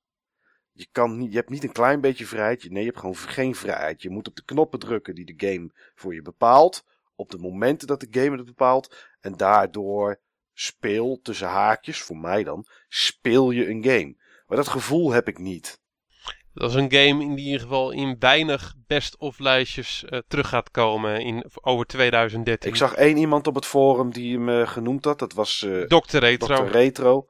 Die, nou ja, goed. Ik weet zijn beweegreden niet. Misschien heeft hij heel weinig tijd om te spelen. En is het lekker makkelijk dat de game Ja, je nou, het, bepaalt. het, het, het connecten gewoon, het, het connecten gewoon eh, voor hem. Ik heb het hem horen zeggen eerder op, eh, eh, in forum posts. Ik heb het hem horen zeggen in zijn, in zijn video's. Hij houdt van dit genre game. ja, Dat filmische. ja. Nou ja, goed. Dan, dan, dan, dan snap ik het. Ehm, maar goed, dat is, dat is denk ik misschien voor mij waarom The Last of Us bij mij iets minder, iets minder goed aansloeg. Oké. Maar wat sloeg dan wel aan voor jou, eh, Mike? Ehm, als ik Wat is jouw top 3 lijstje? als ik mijn top 3 lijstje, en dan ga ik ze niet in de juiste volgorde, gewoon drie games die mij dit jaar eh, heel erg gegrepen hebben, zijn Bioshock Infinite. En dan zou je zeggen, ja, is dat niet hetzelfde als The Last of Us? Want je kan eigenlijk maar één kant op. Je speelt een verhaal en eh, invloed heb je er niet op, ondanks dat je dat wel denkt door de keuzes die je, die je maakt. Maar die heeft net even iets meer diepgang in het verhaal. En daar is het bij de, de wereld, de, de historische feitjes die erin zitten, die verstopt zitten, eh, kleine dingetjes. Kleine dingetjes die het leuker maken en ehm, die, die de game meer jeu geven. Het voorbeeldje is bijvoorbeeld dat een, op een gegeven moment ben je, loop je ergens op een werkplaats en daar speelt een bandje af door de speakers. Er zijn geen werknemers meer. En dan vinden mensen, eh, de, de werkgever vindt het raar dat mensen willen naar een, een, een 12-urige werkdag. En waarom er niet meer gewerkt wordt. Een beetje naar zoals vroeger mensen veel meer moesten werken dan die acht uurtjes die we tegenwoordig al heel veel vinden, vaak per dag. Eh, allemaal van dat soort hele, hele kleine dingetjes. eh, dat verpakt in een, in een wereld die we nog nooit gezien hebben. Want als je naast dan even de Last of Us kijkt, post-apocalyptische werelden hebben we al genoeg gezien. Maar zo'n zwevende stad. En eh, eh, de setting dat je zo'n haak hebt waarmee je aan rails kan hangen. Dat soort kleine dingetjes allemaal bij elkaar. Plus het verhaal waar het naartoe gaat. En, en de twists die erin zitten. En dan ook nog eens het einde. Ja, dat maakt voor mij de eh, Bioshock Infinite echt tot mijn Game of the Year. Dat, als je het hebt over wat is jouw Game of the Year. Misschien had ik dat later moeten zeggen en eerst mijn top 3 moeten doen. Maar dit is echt mijn Game of the Year. Nou, wat ik wel grappig vind, is het is natuurlijk een titel die jij in een van de eerste Button Bashers afleveringen al hebt genoemd. Ja. En toen zei je al, dit is voor mij in ieder geval een zeer sterke Game of the Year kandidaat. Ja, daar is weinig meer uh, overheen gegaan. En het is ook lastig, want een andere, je vroeg me naar mijn top 3, een andere game die daar zeker in staat, wil ik dan een gedeelde plaats geven. Uh, mm-hmm. Dat is Rayman Legends samen met Super Mario 3D World. twee hele goede platformers. Ja. maar ja, ander niveau dan een Bioshock Infinite. Uh, Rayman Legends was, was om, werd ik omvergeblazen door de originaliteit van de levels, de muzieklevels. Dus hier en daar toch skill die je nodig had. En ja, gewoon de kleurrijke wereld. Ja, Super Mario 3D World deed voor mij iets wat Nintendo nog nooit eerder had gedaan. Uh, qua details, qua fun die ze erin hadden gestopt. Zoveel onderdelen, allemaal bij elkaar en zo goed uitgewerkt. Dus ja, dat zou voor mij, uh, zouden dat zeg maar de gedeelde tweede, derde plaats hebben. Ik weet niet. We komen vast straks bij jullie nog wel terug op uh, Super Mario 3D World. Gok ik. Dus daar ga ik er nu niet te diep op in. En als ik dan een derde game moet gaan noemen, dan wordt het voor mij toch al heel lastig. Want dan is die daar. Eigenlijk zijn dit er gewoon drie. Nino Kuni, laat ik die dan noemen in het, in het RPG-genre. Dan haal ik, drie, haal ik drie genres aan. En dan ben ik erg benieuwd en ik wilde eigenlijk Hearthstone vermelden, maar Hearthstone is nog in beta, dus komt volgend jaar uit. Dus die noem ik dan nog niet. te pakken die volgend jaar wel mee. Maar um, ja, ik denk Nino Kuni.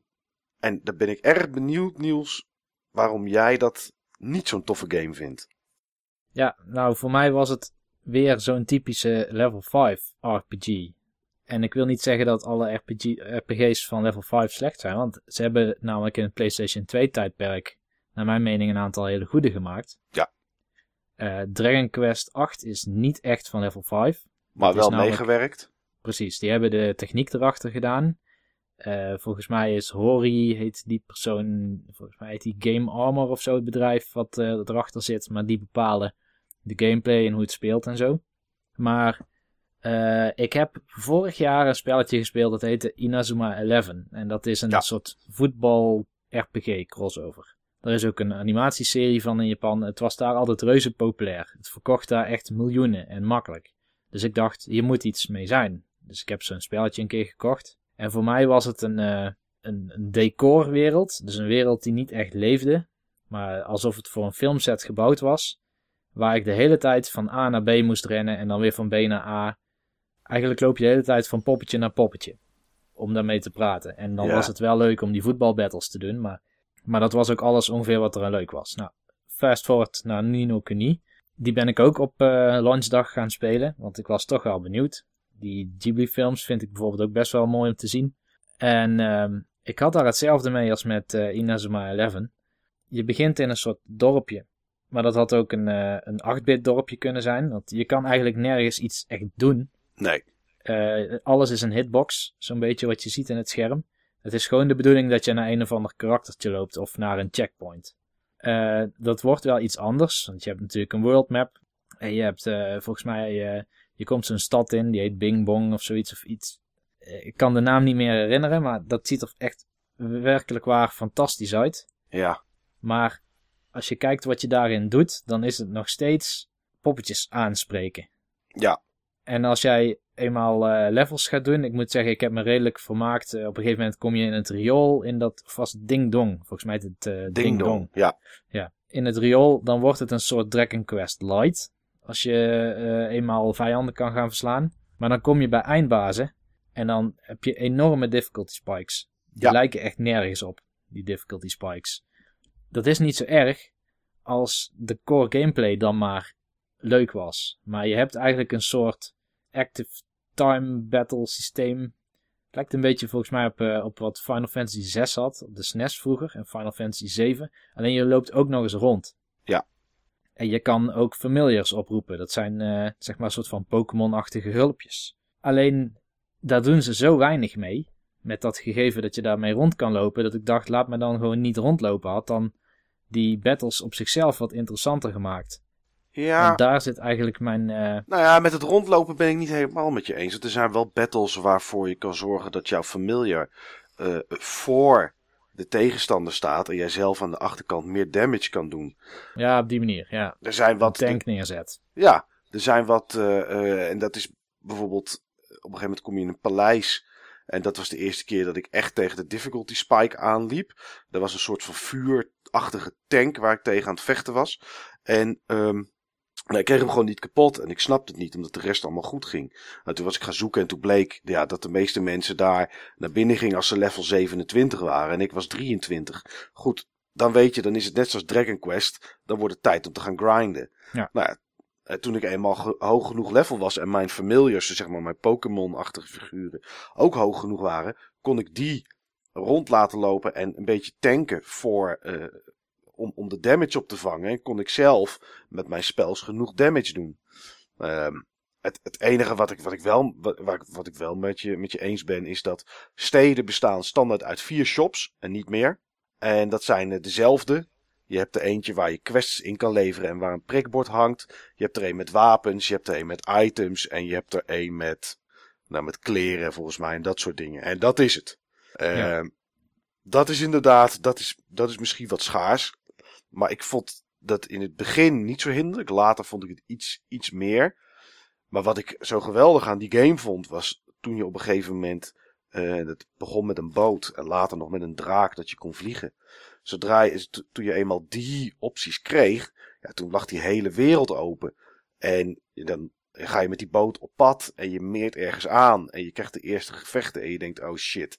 Ik weet nu dat ik dit niet ga redden en dat je een verschrikkelijk portie klappen krijgt. En je dan toch, tenminste dat had ik, wilde levelen om ervoor te zorgen dat je wel daar zo naartoe kon. En dat je wel kon gaan kijken en kon gaan exploren. En ja, die wereld, die karakters, ja, schitterend. Tuurlijk, het, het stadje waar, uh, waar de hoofdpersoon woont en leeft. Ja, er zitten twee winkels, geloof ik, en een garage. En, en, meer is er niet. Heel, heel beperkt.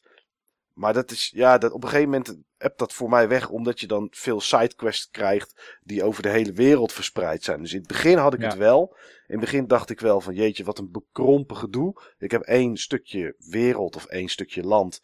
Daar zitten sidequests in. Op het moment dat ik al die sidequests gedaan heb en met mijn main story quest ga ik naar het volgende stukje gebied, gebeurt daar precies hetzelfde. Kom ik dan nooit meer terug. Totdat je op een gegeven moment, ja, de wereld zeg maar echt open gaat. En je, en je wel een stuk verder, uh, verder kan spelen. En dat vond, dat vond ik er geweldig aan. En ik vond die battles, ik vond het battlesysteem leuk. Uh, het levelen van je familiars.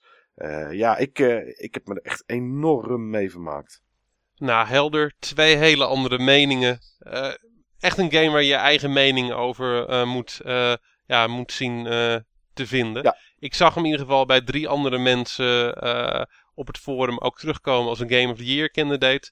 Uh, uit mijn hoofd even, eventjes uh, Killing Raptor, uh, Jesse, een van onze nieuwe leden die we ook nog niet kenden van, van Palrox en Dr. Retro. Dus het is sowieso een game die ja, meer mensen in positieve zin is opgevallen. Ja. Dus maak je eigen mening over. Sowieso, hè. Maar wat zijn voor jou dan wel de game, Games of the Year, Niels? Nou, ik had op de derde plaats staan het spel Rayman Legends. Die heeft Mike net ook genoemd. Dan heb je toch smaak, Niels. Dan heb je er toch kijk op, jongen. nee, Rayman Legends vind ik um, in bijna alle opzichten beter ook dan zijn voorganger. Er is wel één opzicht waarin die beduidend slechter is dan de voorganger. En dat is? En dat is de, de navigatie tussen de levels. Het is zo verwarrend. Elke ja. keer als ik het spel opstart, weet ik niet meer waar ik precies was gebleven. Ja, dat snap ik. Met die schilderijen die voor werelden staan. En in die schilderijen, wat dan eigenlijk de werelden zijn, heb je weer schilderijen. Ja. En uh, dat, dat is een beetje rommelig inderdaad. Ja, maar dat is dan ook denk ik het enige punt. Uh, ik miste wel een paar dingen zoals... Uh, in, in het origineel had je van die mosquito levels. Die vond ik dan heel leuk, want er waren dan een soort shoot-em-ups. Maar je hebt ook wel zoiets in, uh, in Rayman Legends zitten. Maar ik vind de muzieklevels super gaaf, terwijl het eigenlijk endless runners zijn, tenminste daarop gebaseerd.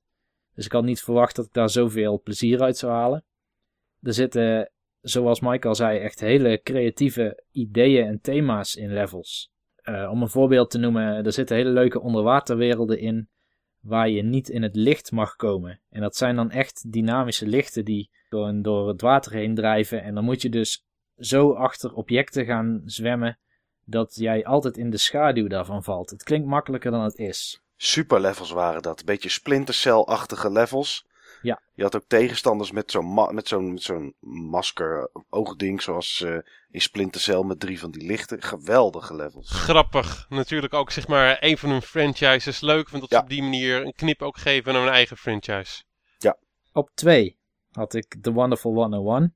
Vind ik een hele mooie nieuwe franchise. Eh, het is natuurlijk door de studio gemaakt van eh, andere klassiekers als eh, Bayonetta, Vanquish, eh, Metal Gear Rising hebben ze ook gemaakt. Ze zijn echt een, een studio die gespecialiseerd is in actiegames. Platinum.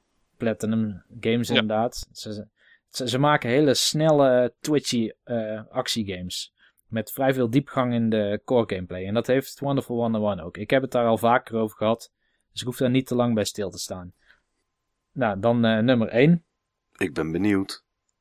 The Legend of Zelda A Link Between Worlds. Ja, ik eh, kan er niks over zeggen, eh, heren. Net zoals bij The Wonderful 101 net, omdat ik eh, deze twee games beide niet heb. Nee, maar ehm, het zal je denk ik wel opvallen. Maar Mario staat dus niet in mijn top 3. Nee. En dat is omdat ik persoonlijk meer genoten heb van Rayman Legends. En daarom is het een eh, persoonlijke Game of the Year. Ja. Maar ik zag wel heel erg veel op het forum, zag ik, eh, zag ik eh, Zelda Link Between Worlds terugkomen. Ja, het is. ehm, ik heb het volgens mij over WhatsApp ook tegen Steve gezegd. Het voelt als opnieuw komen op een eh, vakantiebestemming waar je heel lang geleden in je jeugd ooit bent geweest. Dus het is echt een bekende wereld waar je graag terugziet wat, het, wat er veranderd is sinds al die jaren. En er is flink wat veranderd, ook al is de layout vrijwel exact hetzelfde. Iets waar ik heel erg tegen opkeek was het, eh, het huren van, van items. Ik vroeg me af hoe, hoe, dat, hoe dat zou gaan werken. Onder meer met eh, bijvoorbeeld dungeons, omdat je nu dus in elke volgorde die je zelf wilt, nou ja, bijna altijd, kun je zelf kiezen in welke volgorde je de dungeons doet. Eh, hoe werkt het dan met de progressie van de game? Wordt die dan wel moeilijker? Dat soort dingen maakte ik me zorgen over. De game is niet echt super moeilijk. Eh, absoluut niet. Ik denk dat het een van de makkelijkere Zelda's is. Het is geen Wind Waker makkelijke Zelda, maar hij komt daar wel bij in de buurt.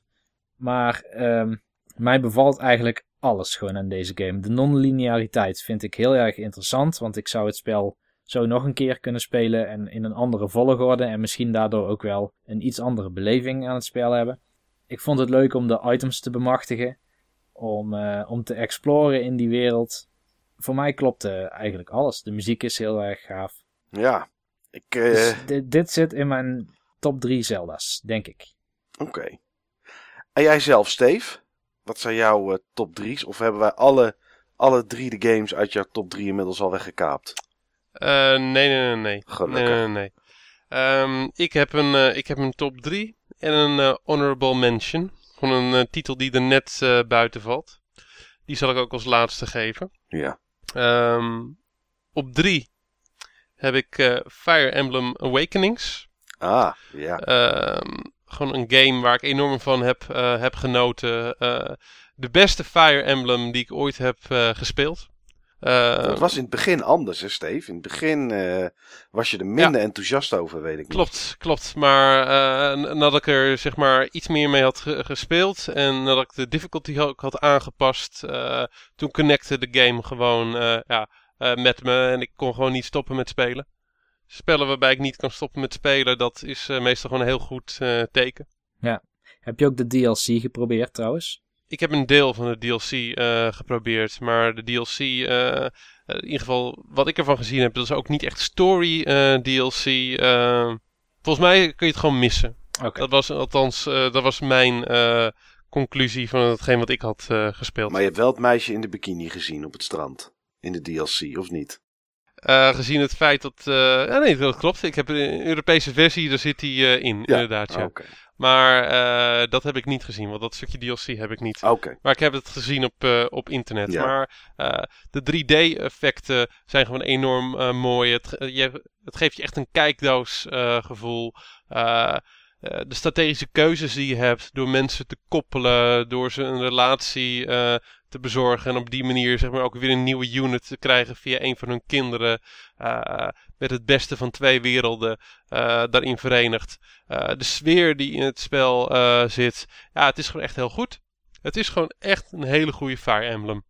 Oké. De prachtige uh, animaties die erin zitten. De muziek, hij is gewoon echt helemaal af. Dus uh, gewoon een hele goede, hele goede Nintendo game. Voor mij wordt het 2014 dat ik die speel. Dus hij kan niet meer op jouw 2013 lijstje komen. Maar uh, je gaat in ieder geval veel plezier aan beleven, Niels. Dat weet ik, weet ik zeker. Wat ik al zei, een hele goede Nintendo game. Net als nummer 2 op mijn, mijn lijst. Super Mario 3D World. Ja. Dat was voor mij gewoon een gigantische verrassing. Uh, toen wij hem voor de eerste keer uh, zagen na de aankondigingstrailer op de E3. We hadden zoiets van, waar zijn, wat hebben die gasten van Nintendo nou gerookt? dit is toch gewoon niet leuk. Dit is een of andere obstacle course met, met Mario en companen. dit is toch geen Mario game? Nee, het is absoluut wel een Mario game. Uh, eigenlijk wat Niels al uh, eerder gezegd had in een uitzending. Het is waarschijnlijk de Mario game die Nintendo al heel lang wou maken. Dit is gewoon uh, in veel opzichten Super Mario 3, maar dan in 3D. En ja, de hoeveelheid verrassingen die erin zit, de rijkheid van de wereld, de rijkheid van de graphics, uh, de verzorgdheid van het geheel, de enorme creativiteit die erin zit. Er zitten gewoon levels bij, dat ik zo maten gewoon die levels moest laten zien, want ja, dat moesten ze gewoon gezien hebben. Ik werd elke keer weer verrast en in eerste instantie vond ik de game heel erg leuk, maar greep je me niet helemaal volledig. Omdat ik er gewoon echt doorheen aan het rushen was. Om zo snel mogelijk op een bepaald punt te komen. Waar jullie al heel erg naar gehind hadden. En ik wou zeg maar niet opeens een spoiler tegenkomen. Ik moest gewoon op dat punt komen. Ja. En daarna ben ik de game gaan spelen zoals ik eigenlijk ook gewoon graag dit type games speel. Door op zoek te gaan naar alle geheimen. Door op zoek te gaan naar alle sterren, stempels. Gewoon echt helemaal los te gaan in die levels. En ja, dan haal je gewoon de meeste lol uit, uh, uit deze game. Ik vind hem ook op een hele leuke, creatieve manier gebruik maken van um, de tablet controller. Ik denk dat het nog meer kan. Maar dit is gewoon een game die gewoon aangeeft of aantoont dat die tablet controller heel veel potentieel uh, heeft. Het is voor mij een game die uh, voor mij ook zegt dat de Wii U in ieder geval op een artistieke manier voor mij uh, een veel toffere console is en gaat worden dan de Wii. Waar ik achteraf gewoon toch een stuk minder mee, mee had met alle zware games in Vision heb ik toch wel graag HD, uh, uh, HD games met een heerlijke controller. Want ik vind de gamepad een heerlijke controller. Een vraag, hè? heb jij toevallig alle sterren al verzameld in Super Mario 3D World? Uh, nee. Nee, ik zit nu, ik heb ze allemaal tot en met wereld 5. Ik ben met wereld 6 bezig. Ah, Oké. Want de postgame content is wat veel mensen zeggen dat dit spel nog in een een aparte categorie uh, qua Daar ben, ik, daar ben ik nog niet, dus het kan alleen maar beter worden. Ja, ja ik ook niet, maar daarom vraag ik het. Nee, dat is helemaal goed. Joh, maar ik ben er nu al heel erg enthousiast over. En geloof me, ik heb genoeg uren in die game zitten om, om op een goede manier over te kunnen, uh, kunnen oordelen. Ja. En wat is dan... Mijn, uh, mijn nummer 1. Ja. Ja, ik, uh, nou, ik weet in ieder geval wel wat Steve op dit moment aan het doen is. En, en dat is? Nou, dat is, uh, Steve is, uh, is, is langzaam zijn Nintendo hart aan het laten spreken. Want ik gok dat op nummer 1 wederom een game staat die alleen op Nintendo platformen is uitgekomen, Steve. Nu, op nummer 1 staat voor mij de beste game die Nintendo in 15 en misschien wel 20 jaar heeft uh, uitgegeven. Dat is een game die echt uh, vanaf de eerste seconde mijn hart heeft gestolen. Dat is Legend of Zelda A Link Between Worlds. Dat is voor mij niet alleen de beste game van het jaar, maar de beste game van nou, de laatste jaren. Echt geweldig. Ik heb in jaren geen Nintendo game uh, gespeeld waarvan alles zo klopte. Alles. De framerate. Uh, het speelt zo enorm soepel. Uh, de manier hoe ze gebruik maken van, van 3D. Ik daag iedereen uit die deze game gespeeld heeft met het 3D-slider aan of op max. Om daarna nog een keer te beweren van tot 3D niet toevoegt. Of tot 3D geen nuttig feature is voor de 3DS. Het geeft zo'n gelaagdheid aan, uh, aan, de, aan de levels. Het helpt je ook zo met de puzzels en de gameplay in de dungeons. De dungeons aan zich. Het lijkt bijna alsof, elk dungeon, alsof elke dungeon door een ander team is gemaakt. Zo anders zijn ze qua sfeer, qua puzzels, qua, uh, qua thema, uh, qua muziek. echt uitzonderlijk goede, uh, goede dungeons. Uh, de vernieuwing die het toevoegt aan, uh, aan de franchise. de itemshop. Ehm, het in muren duiken, waarvan ik het eerst gewoon een onzinnig feature vond, wat er niet uitzag in, in trailers. Link die als een soort met van Paper Mario-achtige Egyptische muurtekening door muren loopt en over muren loopt. Dat is toch geen Zelda, dacht ik. Nou, ik kan me op dit moment geen Zelda meer voorstellen waar het feature bij wijze van spreken niet in zit. Zo gaaf vind ik het in die game en zo heerlijk vind ik het werken. Ja. ja allemaal dingen waar ik echt gewoon lyrisch over ben. Ook het vertrouwde gevoel. Het vertrouwde gevoel van de overworld. Die toch weer geconnect staat met een compleet andere uh, ja, dark world. Low rule. Uh, de nieuwe karakters die erin zitten. Ik vind de bad guys vind ik ook echt heel erg cool. Die ik, ben hem nog, ik zit op dit moment op zo'n 80% en ik moet ze weer opnieuw tegen gaan komen. Maar ik heb het gevoel ook van dat ze allebei een bepaalde gelaagdheid hebben. In ieder geval waar ik benieuwd naar, naar ben. Maar het feature, het feature van deze game is voor mij de muziek. En ik vind ook dat je deze game verplicht bent om met oordopjes of een hoofdtelefoon te spelen. Want anders dan mis je echt gewoon zoveel ook gelaagdheid in de muziek. De muziek is bij wijze van spreken net zo 3D als, als de beelden. Er zitten ook er zitten bepaalde surround effecten in. Uh, er zitten gewoon muziekjes ook tussen waarbij ik zoiets had van, nou, ik ga eventjes stoppen met spelen, want ik moet dit gewoon echt eventjes goed horen. Ja. Uh, hoogtepunten daarin voor mij zijn um, The Sand Palace. Dat vond ik echt briljante muziek. Uh, dat heeft een soort met van slangenbezweerders thema. En er zit een soort met van noot ook in die continu aanhoudt. Zonder dat die irritant wordt. Dat vond ik alleen al heel erg knap. En uh, ja, het thema van, van een van de twee villains, Yuga. Wat haast Final Fantasy aan uh, doet. Ik weet niet of toen jij het speelde en toen jij het hoorde, Mike, of jij toen moest denken aan One Winged Angel van Final Fantasy 7. Nee, ik heb het thema niet, van. Ik heb zelden niet gespeeld, hè, vriend. Niels heeft het gespeeld. Oh, sorry, ik zei, ik bedoel, ik, sorry, ik zei, ik zei ik Mike? Ja. Ik bedoelde Niels. Jij zei Mike, ja. Ik bedoelde Niels. Ik weet niet of jij zeg maar toen moest denken aan One Winged Angel, Niels. Nee. Moest jij er niet aan denken met dat koortje en die epische muziek? Uh, weet je wat het is? Ik uh, weet niet precies welk nummer One Winged Angel is. Oh, oké. Okay. Nou, dat is in ieder geval dat, dat nummer van dat je een enorme koor hebt die de naam van de villain uh, zingen. Oh. En ja, dat heb je hierbij ook. Dus ja. nee, ik... Ik baal een beetje, Steve, van jouw nummer 1 en hoe enthousiast je erover praat. Ik, ik, ik ik heb een lijstje met waar twee games op staan van afgelopen jaar, zeg maar, die ik nog wil kopen. En dat zijn uh, Link Between Worlds en Bravely Default. Ja. En ik ging eigenlijk voor mijn gevoel nu voor eerst voor Bravely Default. Maar ja, nou heb jij toch weer een beetje omgegooid naar Link Between Worlds. Ja, is... hij is echt uitzonderlijk goed. En uh, ik heb hem bewust eventjes ook niet aangehaald uh, van de mensen die hem op het forum uh, genoemd uh, hadden. Want er waren best aardig wat mensen die hem uh, genoemd uh, hebben. Yeah. Een, stuk, een stuk of drie, vier. Maar er was er eentje die ik eventjes uit wou lichten. de reactie van Trappen. Die zei van joh, top 3, top 3. Ik heb geen top 3, ik heb alleen top 1. A link between worlds. Ja. En dat is het enige wat het toe doet. En dat eigenlijk de streep die ik tussen nummer 1 en nummer 2 trek, die is ook van een dusdanig kaliber dat ja, Link Between Worlds is voor mij echt de game van 2013. En ik had er meer willen spelen. Ik had Bioshock Infinite willen spelen. Ik had uh, The Last of Us meer een kans uh, willen, uh, willen geven. Ik had willen beginnen met Bravely Default. Is er allemaal niet van gekomen dan, dan helaas. Maar ik verwacht, ook al had ik die games allemaal echt vet veel gespeeld, had ik ze uitgespeeld. Ik verwacht dat ik nog steeds hetzelfde zou denken. Want ik vind deze echt heel erg goed. Beste Zelda in jaren. Ja, ben ik het helemaal mee eens. Ik heb hem wel uitgespeeld, Steve. Um, en ik heb gemerkt dat ik nog heel wat heb gemist. Dus ik ga zeer binnenkort alweer beginnen aan de Hero Mode.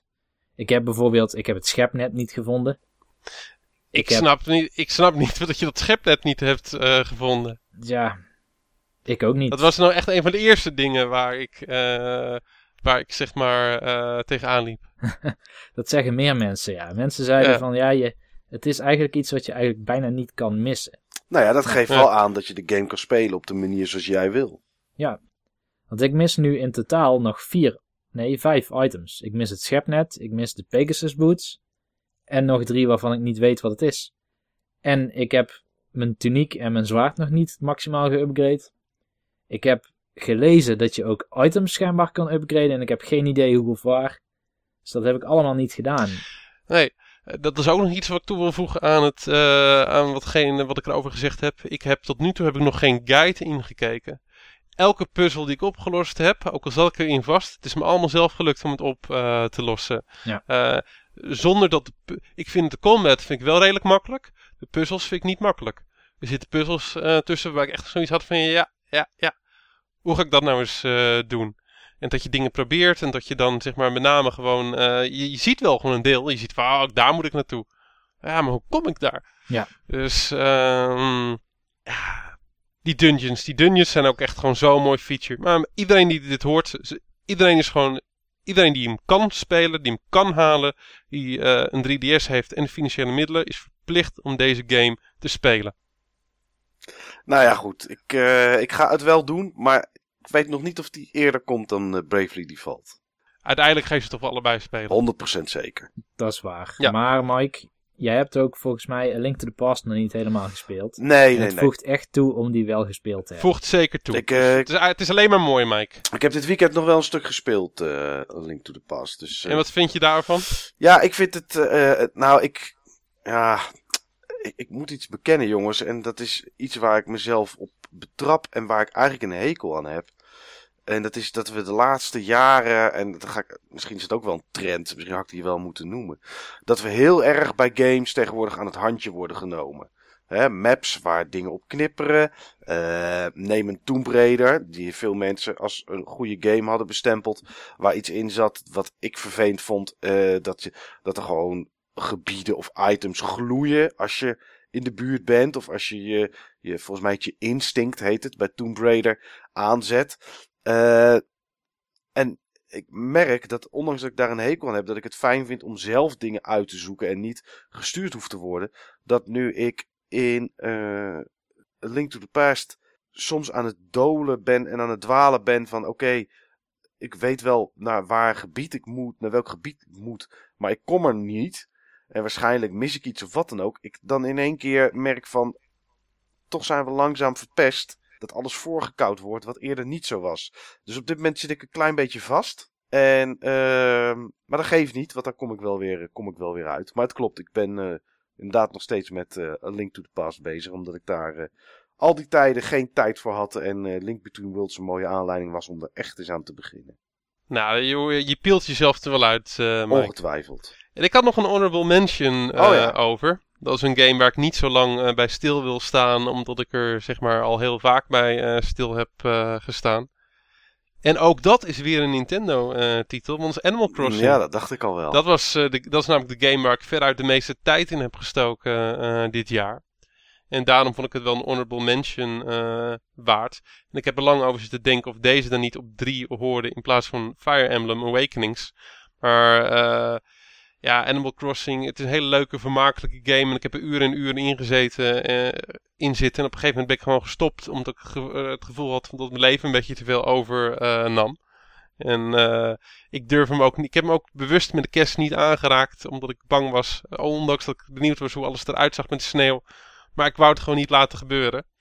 Um, maar ja, het is gewoon echt een game waar ik heel veel uren in heb zitten en heel veel plezier mee heb beleefd. Onder andere met jullie mannen. Ja, ja, was, uh, was leuk. Dus ik heb het onlangs wel nog een keer gedaan. Nog niet met sneeuw, maar wel met de herfst. En uh, ja, gewoon om eens eventjes weer te kijken hoe het er inderdaad bij lag.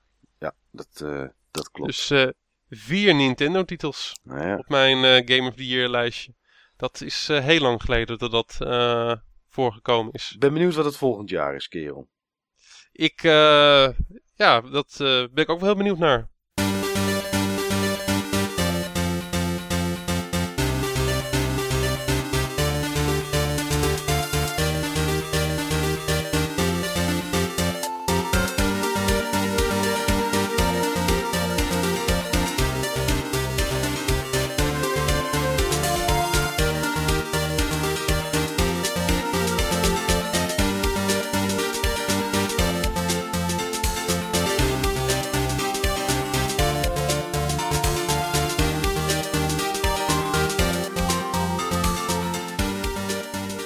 Daar kunnen we het nu al mooi over hebben. Want wat zijn de games waar we naar uitkijken voor 2014? Ik vind dat dus Niels als eerste mag. Oké, even wachten op het vuurwerk achter mij. Wat uh, blijkbaar aan het ontploffen is een uh, dag voor oudjaaravond. Dat gebeurt nog wel eens met vuurwerk. Heerlijk. Ja. Een van de games waar ik het meest naar uitkijk van volgend jaar is uh, Super Smash Bros. Oké. Okay. Dat is de game die het meest is genoemd op het forum. Qua games waar mensen naar uitkijken. Dat is een goede zaak en dan hoop ik dat ik veel mensen heb om het mee te gaan spelen straks. Nou, dat zal ongetwijfeld. Maar uh, tja, uh, ik heb Mario Kart niet op mijn lijstje staan. Terwijl Mario Kart 7 speel ik nog steeds bijna dagelijks. Oké. Okay. Ik kies toch voor Smash Bros. omdat ik mij toch iets meer wil verdiepen in, uh, in die gameserie. Ik heb alle andere delen ook gespeeld. maar ik heb ze nooit echt competitief gespeeld. Ik heb ze altijd gespeeld om karakters te unlocken en om alle content te zien. En als ik dat eenmaal had bereikt, dan uh, ging het spel in het doosje en keek ik er niet meer naar om. Alleen nu uh, er in ieder geval de belofte is van, de, van een goede online implementatie. Het is ook door het team gemaakt wat uh, de Tekken Games heeft geprogrammeerd. Tekken staat wel bekend om zijn zeer goede netcode. Ja, dus daar heb met, name die, met name die laatste uh, Tekken, Tekken versus Street Fighter of zo. Tekken uh, Tech Tournament. Uh, Tekken Tech Tournament 2, ja, ja Die heeft uh, heel goede netcode. Ja. Die staat volgens mij in de fighting game community bekend als de game met de beste netcode. Dat wist ik niet eens, maar het zou me niks verbazen. Ik heb het spel ook en ik vond het ook behoorlijk leuk om het online te spelen. Maar in ieder geval, uh, er is nog één reden waarom ik uh, Super Smash Bros. nog meer als uh, een van mijn uh, meest geanticipeerde aankopen zie. En dat is omdat ik een tijd terug de documentaire The Smash Brothers, of The Super Smash Brothers, ik weet niet meer precies wat de naam is, maar het is een negendelige documentaire op YouTube. en die gaat over de competitieve Smash Brothers scene. Vooral in Amerika in eerste instantie, maar op een gegeven moment gaat het ook naar Japan toe. En daar zie je eigenlijk het begin, echt bij, uh, bij vooral bij Smash Bros. Uh, Melee, hoe je echt uh, East Coast, West Coast rivaliteit had in Amerika omtrent het Super Smash Bros. spel. En dat je steeds meer Biggie mensen... Smalls, Biggie Smalls tegen Tupac. Zoiets inderdaad. dat je dus ook nieuwe mensen steeds zag binnenstromen die een andere benadering met het spel hadden. Want het is eigenlijk een, een aparte fighter. Er zijn ook mensen die, die weigeren om Smash Bros. te accepteren als een fighter game. Omdat hij zo anders is. Het is echt een, uh, bijna meer een sandbox fighter game. Want je hebt gewoon een karakter met een vrij uh, eenvoudige moveset in een physics omgeving. En dat is een hele andere benadering dan bijvoorbeeld uh, de Street Fighter 2 heeft. En je hebt geen stamina bar die helemaal kapot slaat, zodat iemand op nul komt. Maar je hebt meer een soort ja, een, een, percentage. En hoe hoger dat percentage is, des te groter is de kans dat je uit het level wordt geslagen. En daarmee scoor je punten. Maar ik ben dus zo aangespoord door die serie om, um, door, die, door die documentaire bedoel ik, om toch eens beter te gaan kijken naar Super Smash Bros. En het idee dat ik misschien dat spel online veel kan spelen tegen anderen en anderen vooral van het Button Bashers forum, dat maakt het tot een van mijn meest geanticipeerde games van 2014. Een andere is uh, Dark Souls 2. Ja. Werd ook, uh, werd ook genoemd op het, uh, op het forum. Ja, Gelly Bob. Door mijn, door mijn buurman Durable Bob. Die op vijf minuten lopen van mij woont. Ja, in Dark Souls 2 was ik in eerste instantie een klein beetje huiverig voor door de opmerkingen van de maker zelf. Maar Michael heeft al in een vorige aflevering verteld over de demo die hij heeft gespeeld. Of de demo, het soort preview ik heb uh, demo gespeeld op de Gamescom en ik uh, mocht van uh, Namco Bandai meedoen met, de met de closed beta die er, die er was in november. En daar heb ik ook nog twee sessies gespeeld. Ja, nou de, die hebben in mij in ieder geval veel vertrouwen gegeven in dat deze game ook weer echt enorm leuk wordt om te spelen. Ja. En de laatste game die ik er nog op heb staan is Bayonetta 2. En dat zal niet een verrassing zijn voor velen als The Wonderful 101 al een van mijn Game of the Years was.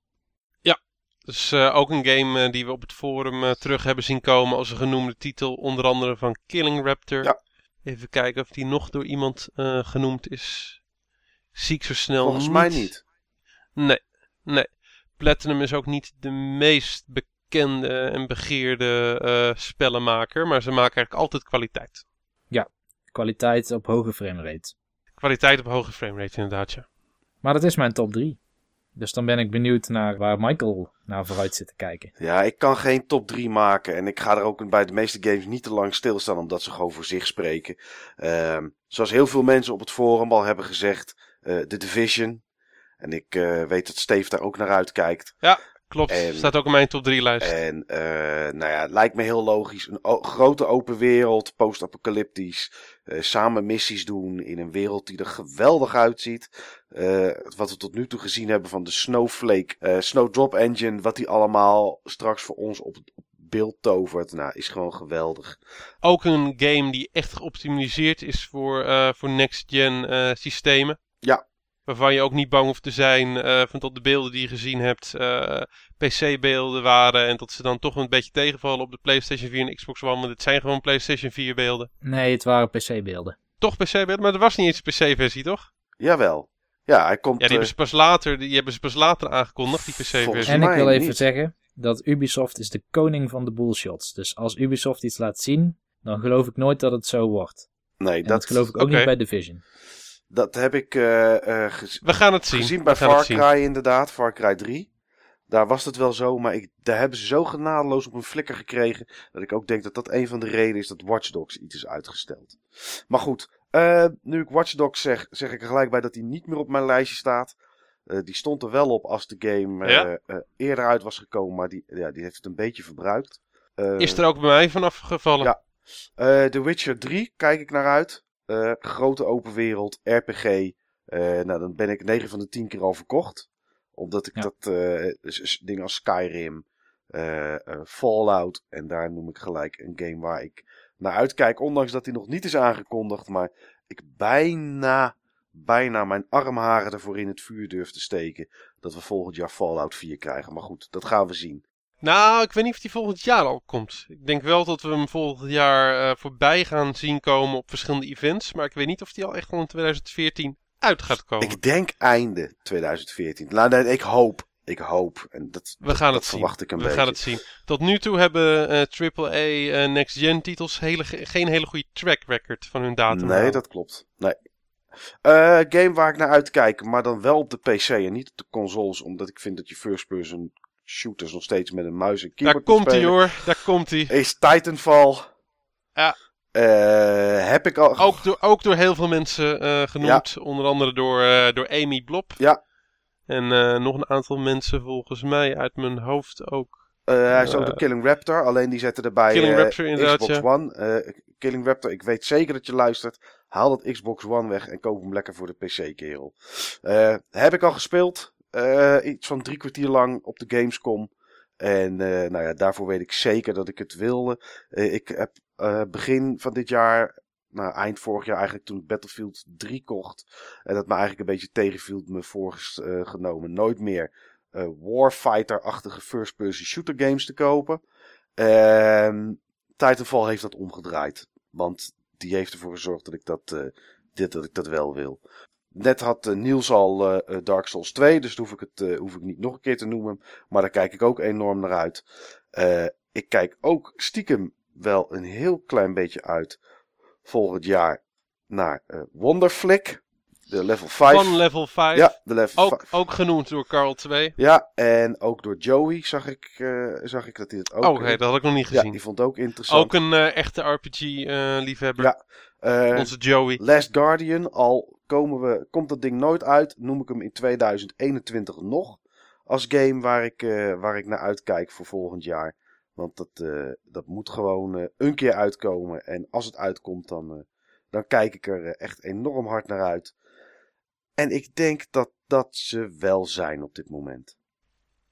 Oké. Nou, je hebt genoeg om naar uit te kijken, zo te horen. Ja. Ja, dat heb ik elk jaar wel. En eh, nou ja, goed, er valt ook regelmatig valt er wel weer wat, eh, wat tegen natuurlijk.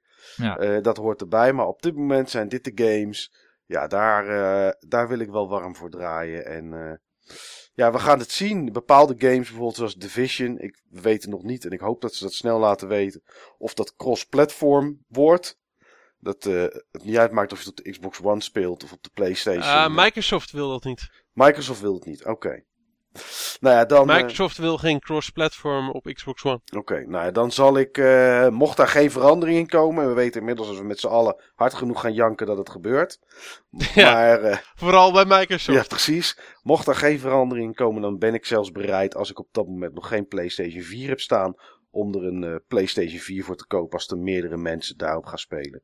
En nu ik toch PlayStation 4 zeg, noem ik nog even Infamous Second Son, waar ik wel naar uitkijk. Deep Down van Capcom. En, ehm, nou, ik denk dat dat op dit moment wel is. Oké, nou, helder. Deep Down heb ik net trouwens niemand mee gezien op het Nee. forum. Die is, eh, die is niet genoemd. Infamous heb ik volgens mij wel ergens een keer voorbij zien komen bij één iemand. Eh, weet ik niet 100% zeker. Ben ik nu eventjes aan het scannen, maar is, er is volgens mij alleen in tekst genoemd. Ehm, Nou, ik zie hem, als ik zo even op tekst heel snel zoek, ook niet eens op het forum. nee. Volgens mij is Infamous ook een beetje van de radar gevallen, maar we gaan het zien. Ja, ik, eh, eh, ik denk dat dat mijn PlayStation 4 aanschaf wordt. De Infamous pack die eh, eind februari, begin. Febru- februari, maart Ja. weten we meer. Ja. Dus, eh, en jij zelf, Steve. Ik, ik weet er Ja, eentje, heb- die ga je natuurlijk noemen, maar dat laat je lekker zelf doen. Ja, ik heb een, ik heb een simpel lijstje aan usual suspects. The Division en The Witcher, die al verschillende keren zijn eh, genoemd. Eh, lijken me allebei gewoon echt geweldige werelden. Eh, hebben me ook echt overdonderd op, op de E3. Maar er is één game waar ik het meest naar, naar uitkijk. En dat is Destiny. Ja. Destiny dat lijkt me echt zo geweldig. Maar Halo eh, met RPG-elementen in een grote open wereld. eh, met een eh, volledig met elkaar eh, verstrengelde singleplayer en multiplayer. Ja, dat, daar loop ik echt helemaal warm voor. Ja. Echt, ik zit nu ook weer verlekkerd naar dat screenshot te kijken wat ik gepost heb. Oh, heerlijk. Ik heb er nu al zin in. Was Destiny nou ook een cross-gen title? Ja, cross-gen, klopt. Ja. ja. ja. Ja, maar geen PC. Geen PC. Nee. Geen PC. En daarom heb ik hem niet bij mij op mijn, eh, op mijn lijstje staan. Anders had hij er zeker bij gestaan. Ja, maar ja, ik vind Destiny, althans al het beeld wat ik voor ogen heb. eh, ik denk, dit is ook niet zo'n militaire shooter, hè? Nee, maar het is wel een shooter. Ja, het is wel een shoot. Nou, je moet hem even gaan rustig gaan kijken, hè? Ik eh, ga het... Mikey? Ja, nee, de game bevalt me hoor. En wat ik gezien heb Ja. en de ideeën. Alleen ik, ik kan het gewoon... Ja, het zal wel... Mijn kneuzigheid. Ik kan gewoon niet shooters met een, met een controller. Kan ik gewoon niet. En dan komt er aim assist bij. Of soft assist. Of hoe je het ook wil noemen. En dan voelt het net niet echt. We gaan het zien. We gaan, We het, gaan zien. het Misschien valt het allemaal reuze mee. Misschien ligt de focus wel heel erg op, eh, op krachten en dat soort dingen. Dat zou En kunnen. op teamwork. En op teamwork. eh, we gaan het zien. Het is in ieder geval wel de game waarvoor ik een eh, betere headset voor mijn PS4 eh, ga kopen. Want man, wat is dat ding slecht. Dat ze dat een headset durven noemen. Nou, dat vond ik echt. Als er één ding is. eh, echt toen ik die doos openmaakte van mijn PS4. En dus, eh, op een gegeven moment had ik alles netjes uitgestald. En ik dacht, oh, ik mis nog de headset. Ik denk, waar zit die dan, joh? Waar zit die dan?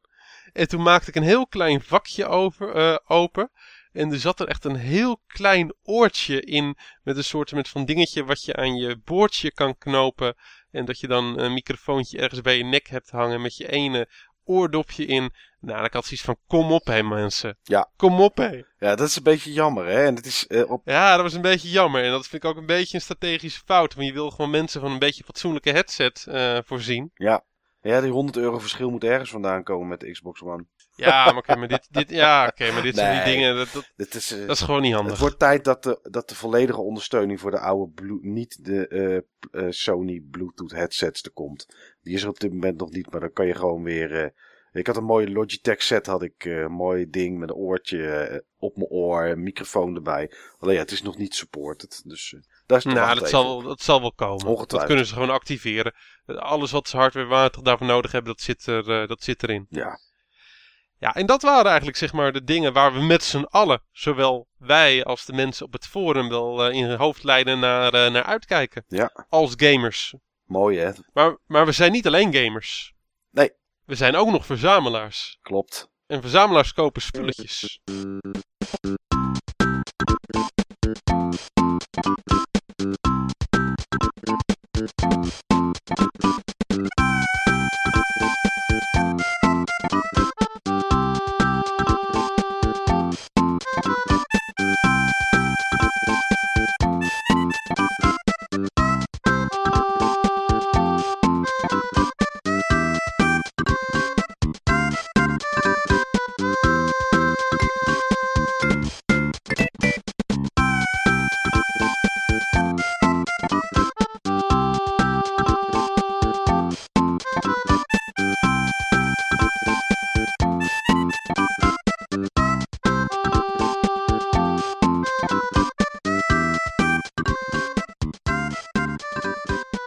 Is eigenlijk het laatste wat we met jullie input in deze aflevering wilden, wilden meenemen. De mooiste spulletjes die we met z'n allen hebben uh, gekocht over, uh, over 2013. Laten we eens bij jou dan beginnen, Steve. Wat is voor, wat is voor jou je mooiste aankoop van 2013? Dan, uh, dan wil ik er drie noemen. Waarbij ik er eentje nog aan het bedenken ben. Oké. Okay. Dat zijn één moderne aankoop, één ja, limited editions, collector's edition aankoop en één retro uh, aankoop. Mijn ja, mooiste collector's edition, mijn mooiste verzamelstuk wat ik gekocht heb, dat is Bravely Default. De, de collector's edition daarvan. Dat vind ik echt een van de gaafste collector's editions die ik heb. Alles wat je in een collector's edition verwacht zit erin. Een, een prachtig beeldje, nou, een, een mooi beeldje. De paintjob had iets beter gekund, maar het is gewoon een mooi beeldje. Uh, een prachtige artboek. Geweldige artboek. Heel erg dik. Prachtige kwaliteit papier. Supermooie art. Supermooie afwerking. Echt heel erg gaaf. een soundtrack CD. augmented reality cards die je ook kan gebruiken um, ja, in het spel. En heb je niet de Collector's Edition, maar wel het spel. En de meeste mensen zullen niet de Collector's Edition hebben. Je kan ook gewoon de plaatjes downloaden, eventjes op je smartphone uh, zetten, je smartphone op tafel leggen en hey, dan heb je die kaartjes alsnog. Ja, en gewoon echt een super mooie doos. Die doos was alleen al uh, zo mooi. Zo mooi afgewerkt. Zo'n mooi ding. Voor gewoon een hele mooie collector's edition. Ja, nou, ik ben het er helemaal mee eens. En uh, ik had hem eigenlijk achteraf ook wel willen hebben. Alleen op het moment dat ik me bedacht van ja, die wil ik toch wel hebben. Toen was hij al zo duur. Dat ik ja, ja dat soort bedragen heb ik dan toch persoonlijk niet meer voor collector's editions over. 129 ja. kostte die. Nou, ik heb hem gekocht bij een winkel in Gouda. En ik vind het ook wel fijn om op die manier uh, de, uh, de game shops hier, waar er gewoon steeds minder van zijn, een beetje te sponsoren. Dus uh, prima hoor. Dat is heel nobel van je. Maar ik ja. koop dan liever twee andere games. Prima, maar ik wou hem gewoon hebben. En ja, ik wist dat ik er spijt van zou krijgen op het moment dat ik het niet zou, dat ik het niet zou doen. Dus uh, dat was in ieder geval voor mij een, ja, gewoon een, een game. Die een hele mooie uitvoering, een mooie aanwinst voor mijn verzameling was. Dan heb ik nog mijn, ja, mijn moderne aankoop, zeg maar, van het jaar. Waar ik echt heel veel plezier mee ga hebben. Waardoor ik enorm verrast ben. waar ik eigenlijk heel erg anti was. En waar ik inmiddels toch redelijk pro voor ben geworden. Dat is de Wii U. ja, dat kon niet anders, hè? Ja, ja, dat is dat, uh, dat smurkachtige lachje, dat had ik al verwacht, uh, Mike. Ja, nee, ja, maar goed. Uh, ja, als je er blij mee bent, jongen, is toch goed. Ik, ja. ik, ik, kan, ik kan het je niet kwalijk nemen. En dat bedoel ik niet lullig in dit geval. Dus nee, ik, als ik kijk wat voor games ik er nu al voor heb liggen en wat voor games er nog uit gaan komen, ja, uh, ik heb eindelijk gewoon weer zo'n stuk Nintendo hardware wat je op tv aansluit liggen. Waar ik enthousiast over, over ben. Wat ik gewoon totaal niet was achteraf over de Wii. En dat, dat vind ik gewoon heel gaaf. Ja, ik was er zelf best wel blij mee. Ik, ik had niet verwacht dat je hem op dit lijstje zou zetten, Steve. Maar tja, ik was natuurlijk in het begin van het jaar de enige die het systeem had. En dan word je denk ik vrij snel gezien als een soort Nintendo-apostel of zo. Omdat je het systeem al hebt. Maar ik had serieus, uh, vermaakte ik me best wel goed met de games die erop uitkwamen. En nu zijn er dan meerdere mensen die ze spelen. En dat, daar ben ik dan heel gelukkig mee. Ja, ik, uh, ik hoop ook dat de boel een beetje aan gaat trekken. Ik denk ook dat dat het beste is wat kan gebeuren. Dat de boel een beetje uh, aantrekt. ik denk dat ze het gewoon echt heel erg lastig gaan, gaan krijgen. Ik weet zeker dat ze wel gewoon doorgaan met het supporten van, van de Wii U. Er zijn ook mensen, ook op ons forum, die denken dat Nintendo wellicht zou stoppen met het produceren van de Wii U. Ga niet gebeuren, kan niet gebeuren. Het gezichtsverlies zou te groot zijn en daar is het bedrijf niet, niet naar. En het hoeft ook niet, want ze pulken van het, van het geld. Rijk zat die gasten. Ja. En we zien het gelukkig al een beetje aantrekken. Hè? Misschien verandert het wel weer begin volgend jaar, maar op het moment gaat het schijnbaar in Japan en in Amerika beter dan de analisten hadden verwacht. In Europa nog, ja, daar heb ik eigenlijk te weinig van gehoord. Maar Europa is ook niet een Nintendo-territorium.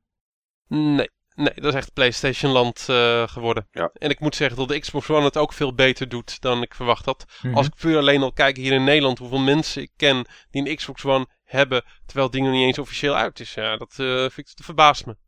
Maar uh, joh, ik ben er gewoon heel erg blij mee. En ik, de meeste mensen die een Nintendo hart hebben, die zo'n ding hebben, die hoor ik wel in geval enthousiast praten over de releases van de laatste tijd. Een Pikmin 3, een Wind Waker, een, uh, een, Mario 3D World. Wat ik zelf ook een hele leuke game vind, waar ik het in een komende uitzending ook nog wel over ga hebben. NES Remix. Uh, ja, het, zijn gewoon, het is gewoon mooie content. En het is gewoon de weg naar die content. De retro aankoop die ik uit wil uh, lichten. Want daar was ik nog eventjes, naar, was ik nog eventjes over aan het denken. Ik zat in mijn kamer door te kijken en ik heb hem al gezien. En ik kan maar één ding noemen. Dat is geen aankoop. Want ik heb er geen, uh, ik heb er geen stuiver voor, uh, voor betaald. Dan is dat sowieso de mooiste al natuurlijk. ja, dat zijn de mooiste. Je bent toch Nederlander? Nee, dat is een, uh, dat is een item wat ik heb, heb gehad. van ook een van onze leden. Tanuki. Henry, ik heb hem al eens eerder ook voorbij horen laten komen in, in de podcast. Mijn eerste game ooit was Sea Ranger en ik heb dat spelletje nog wel, alleen ik had het doosje niet meer. En uh, ik had toen zeg maar een, uh, een doosje gekocht op een beurs en uh, er zat een, er zat een rood spelletje in en ik wou graag een blauw spelletje, want ik had zelf ook een blauw spelletje en er staat ook een blauw spelletje op, op de doos. En hij had er eentje liggen en ik vertelde zo dat verhaal. Joh, dat was mijn eerste game ooit. En hij kende dat verhaal. Ik had het een keer verteld. En hij zei, ja, joh, uh, ik wil graag dat jij hem hebt. En ik wilde ook niks voor hebben, want ik wil echt gewoon, graag dat jij hem uh, hebt. Want jij moet hem gewoon hebben, want het is gewoon jouw, jouw game en jouw, ja, jouw stukje geschiedenis. En dat vond ik gewoon ook zo leuk. En ik zat te denken van ja, maar dat is gewoon ook echt zo. Zonder die game stonden wij waarschijnlijk nu niet hier op deze plek met elkaar te praten. En zonder die game zat ik waarschijnlijk ook niet hier met jullie uh, te, uh, te praten. Zonder die game had ik waarschijnlijk ook niet hard gemaakt voor dit forum wat er nu uh, gekomen is. En ja, dat zijn gewoon allemaal dingen die gewoon heel erg waardevol zijn. En dat is voor mij eigenlijk dus niet de aankoop, maar de aanwinst voor mijn collectie voor, van, van 2013. Dat zijn zeg maar die game en ook alles wat die game voor mij betekent. En dat is alles wat deze hobby voor mij betekent. En ook alles wat alle mensen die ik via deze hobby heb leren kennen voor mij betekenen. Wat Niels en ik ook gaan zeggen, het valt in het niet, Steve. Bij dit verhaal. Dit is toch mooi? Dan knoopt hij maar een of andere, niet eens aankoop uit 2013, knoopt hij aan zijn hele bestaan. Daar kunnen wij echt niet meer overheen. Nee, nee, nee nou, niet mijn hele bestaan. Hè. Dus Nou ik, heb ook nog mijn andere, ik heb ook nog mijn andere hobby's. Maar het, het is wel gewoon iets wat belangrijk voor me is. Tuurlijk, tuurlijk. Eh, eh, legersoldaatjes verven van die tinnen soldaatjes is ook een grote hobby van jou, Steve. ja, dat klopt. En dan heb ik nog, en dan heb ik nog mijn seksverslaving. Ja, Maar daarvoor ben ik onder behandeling hoor. Dat gaat 2014 gewoon echt helemaal met me goed maar komen. ook die seksverslaving. En ik, we- ik weet wat jouw fetish is, kan je ook koppelen aan Game Watch. Dus wat dat betreft, eh, Ja, dat, dat klopt, dat klopt. Maar ja, je kan die dingen op, ze zijn zo lekker compact, je kan ze op zoveel plekken stoppen. ja, ja, ja. Goed. We moeten even zien of dat we onze E for Everyone rating moeten revisen. maar goed. Oké. Maar wat, eh, wat, zijn jouw eh, aanwinsten en aankopen van het jaar, Niels? Eh, laat ik er dan ook drie noemen. Beetje in dezelfde sfeer eh, als jij. Mijn limited edition aankoop van het jaar is de Zelda-themed 3DS XL. Ik heb daar lang over lopen twijfelen of dat ik die wel moest kopen.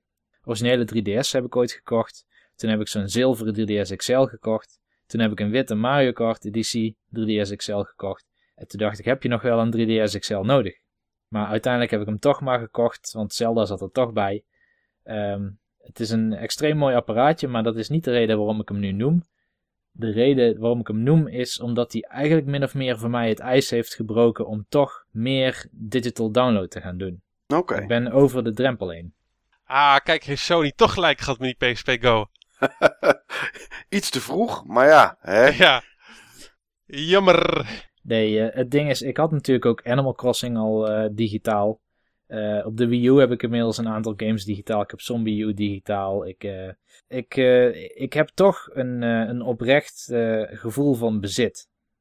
Wat ik dacht dat ik niet zou hebben. Ja, je denkt het zijn ROMs op een, op een SD-kaartje. Maar het zijn toch ROMs waar je een gevoel bij hebt van dat die echt van jou zijn. En dat sluit eigenlijk aan op een andere aankoop van het jaar. Het zijn eigenlijk meerdere aankopen, maar dat zijn een aantal Sega 3D Classics op de Nintendo 3DS. Die zitten in de eShop. Dat zijn eigenlijk uh, heruitgaves van oude arcade games en Mega Drive games van Sega. En die hebben ze 3D remastered. En dan niet met polygonen, maar gewoon, het zijn dus echt die oude games met, uh, met parallax scrolling en zo. Alleen deze keer zit er uh, zo'n kijkdoos 3D effect in. Dus het zijn nog steeds de sprites, maar dan met diepte. En uh, met name games als Space Harrier, Super Hang-On. Ehm, ik wil ook nog Streets of Rage kopen, ook al heb ik die al. Maar ik merk gewoon dat ik die games echt veruit het leukst vind spelen op de 3DS. En, uh, en ik ben er ook beter in. Uh, ik haal hogere scores op de 3DS, omdat ik misschien met meer concentratie of zo ernaar kijk. Ik weet niet wat het precies is, maar ik heb ook Streets of Rage en ik heb Echo en, en Sonic en Super Hang-On en Space Harrier. Eigenlijk al die games die ik heb gekocht nu in zijn 3D-uitgave, had ik al op cartridge. En toch voelt die 3D-heruitgave meer authentiek aan dan die cartridges. Okay. En dat vind ik heel bijzonder. En daardoor heb ik ze ook op deze lijst gezet. Spelen ze ook in widescreen trouwens? Ja, ze spelen in widescreen. En uh, vooral de arcade versies hebben ook nog wel een aantal unieke leuke features erbij. Die ook zelfs de maker ervan uh, hebben doen zeggen dat het echt de definitive versies zijn van de games. Nou, dat is gewoon cool. Ja, ze draaien ik, allemaal. Ga, er gewoon, ik ga er gewoon eentje downloaden. Uh, Niels, ik had in eerste instantie mezelf aangepraat ik even ging wachten. In de hoop dat er een collectie uit zou komen, fysiek. Maar ik ga gewoon Streets of Rage uh, downloaden. Kijk maar of, of dat het iets is, inderdaad. Maar ze draaien rotsvast 60 frames per seconde. De arcade games in ieder geval. En uh, bij de arcade games is het ook nog eens leuk dat je, je kan voor het echte retro gevoel kun je ook nog simuleren dat je in het kabinet zit. Bijvoorbeeld in een afterburner apparaat. Dus dan heb je een soort uh, kader om je scherm heen en je kunt ook bepalen hoe groot dat kader is. Nou, ik heb het kader heb ik dan zo minimaal mogelijk, want ik wil wel veel real estate voor het spel zelf. Maar dat beweegt ook mee, uh, alsof je in zo'n uh, zo'n arcadekast zit. En de geluiden die je dan zou horen worden ook afgespeeld door de speakers. Dus als je met koptelefoon opspeelt, is het, je waan je, je jezelf in zo'n arcadehal. Dat is wel gaaf. Ik vind het zeer goed werken. M2 is de studio die deze ports doet van deze games. De eerste lichting games hebben ze al allemaal in de Europese shop gezet, volgens mij inmiddels. In Japan zelf zijn ze nu een tweede serie aan het uitbrengen. Daar zit dus Afterburner 2 onder andere in. Uh, ik hoop op Outrun nog in de toekomst onder andere. Ja, ik zit er in ieder geval heel erg naar uit te kijken. Het is bijna een soort uh, verzamelverslavingje op zichzelf om die games te downloaden en te, te spelen. Nou, dat vind ik mooi met zulke oude games die je ook, ook al op zoveel manieren hebt en kunt hebben. Ja, sommige heb ik al vier keer. Dat hebben ze goed gedaan. En wat ik ook knap vind, is dat ze dit beter doen dan, uh, dan Nintendo zelf. Ja. Want Nintendo zelf had ook zijn 3D Classics lijn. Op een gegeven moment is dat volgens mij een stille dood uh, gestorven, want ik hoor echt nooit meer wat, uh, wat over. Nee. En ik had dan ook één of twee tieltjes daarvan gedownload. Onder andere Kid Icarus die gratis kon downloaden. Ja, maar die speelde gewoon in 4 bij 3 in een van een minischermpje. En ik voor de 3D-effect ook helemaal niet zo gaaf gedaan. En ze hadden een lelijke achtergrond erbij gedaan. Ja, en uh, ja, dit is gewoon zoals het hoort en zoals Nintendo het eigenlijk ook had uh, moeten doen. Ja, Jammer. absoluut. Gemiste kans, maar blijf dat Sega het wel uh, snapt. Ja. En dan tot slot heb ik er nog eentje en dat is eigenlijk mijn echte pure retro aankoop. En dat is, die heb ik volgens mij al een keer genoemd in de podcast, maar dat is Banjo-Tooie met alles erop en aan. Dus de kaart, de instruction manual en de box. Die heb ik besteld van forumlid Dennis. En uh, dus nogmaals, uh, Dennis, bedankt voor Banjo-Tooie. Hartstikke mooi spel, super nette prijs. Ja, Dennis die, die weet wel wat mooie spulletjes zijn. Altijd. Ja. Ja. En wat zijn jouw aankopen, Mike? Ja, mijn... Niet Zelda A Link Between Worlds? Nee, geen Bravely Default. Um, mijn mooiste retro aankoop, laat ik daarmee beginnen heb ik in de zomer opgehaald. En die moest ik ook echt zelf ophalen. Ik moest mijn bank even plat zetten. Ik moest er twee ja. uur heen en twee uur terug voor rijden. Maar het was het me waard. Het was mijn, uh, mijn tweede PlayStation 1 demopod. Waardoor ik, uh, zover ik weet van het bestaan, eh, alle twee de PlayStation demo pots eh, nu op mijn zolder heb staan. En eh, dat was denk ik toch wel mijn eh, mooiste retro aankoop die ik, eh, die ik dit jaar gedaan heb. Eh, ik heb wel wat meer retro, eh, wat meer retro aangeschaft eh, het afgelopen jaar. Maar als ik er eh, één uit moet kiezen, dan, eh, ja, dan is dat die. Is dat nou die demopot waar wij ook eh Bubble Bobble op? Nee, nee, wat was het? Eh Puzzle Puzzle Bobble nee, nee, nee. Dat was de eerste die ik, die ik ophaalde. Dat was het jaar daarvoor. Dus nee, het is, die is het niet. Het is, het is, een, het is een andere demopot. Oké. Ehm ja, als ik kijk naar, naar nieuwe, nieuwe games of iets of, of gadgets, dan denk ik toch dat ik mijn Xbox One ga zeggen. Eh, ondanks dat ik nog niet zoveel erop heb kunnen spelen als ik wil. Eh, gelukkig ben ik in, eh, in januari een hele week vrij, waarin ik eh mezelf niet eens hoef te wassen en te scheren, vind ik zelf. En dan, eh, Denkt eh, Bianca er ook zo over? ik heb het met haar nog niet erover gehad, maar als ze het er niet mee eens is, dan eh, heeft ze pech. Of dan moet ze mij maar wassen en scheren. Maar ik ga het niet doen. Ik ga dan echt alleen maar een week lang, eh, een week lang gamen. En dan zal ik eh, meer tijd gaan steken in mijn Xbox One. Eh, ik vind het een mooi apparaat. Ik vind het een fijn apparaat. Ik vind de controller erg prettig. Ik vind force feedback in de linker en rechter trigger vind ik erg gaaf. Als je, als je bijvoorbeeld aan het schieten bent in Dead Rising 3. Eh, ik vind het digitaal kopen van de games vind ik prettig werken. Ondanks dat het natuurlijk nog een beetje stunten is. Maar als je een PayPal-account aanmaakt, dan zet je, je console even op Amerika. Dan kan je met PayPal betalen. En dan betaal je echt een, eh, bij wijze van spreken, een fractie van de, wat je hier voor de games betaalt. Dus ja, ik heb er helemaal geen enkel, eh, geen enkel nadeel aan, eh, aan kunnen ontdekken tot nu toe aan de console zelf. En eh, ja, er zitten een hoop features op die ik nooit ga gebruiken. Zoals het tv kijken of het skypen erop of, of, of dat soort zaken. Dus ja, nou ja, goed. Dat, dat boeit me niet zo heel veel. Ik ben, ik ben er blij mee dat ik er één heb kunnen bemachtigen. Want ze gingen op de dag dat ze uitkwamen, gingen ze toch behoorlijk hard. Ik had er twee mensen die tegen mij zeiden, als ze er nog twee hebben staan, of ze wilden de man één, maar als ik er eh, nog twee kon krijgen, neem dan maar mee. En eh, het kon gewoon niet, ze waren gewoon, eh, ze waren gewoon op. Ik ken verhalen van mensen Opper de pop. van mensen die diep, diep Duitsland in zijn gaan rijden.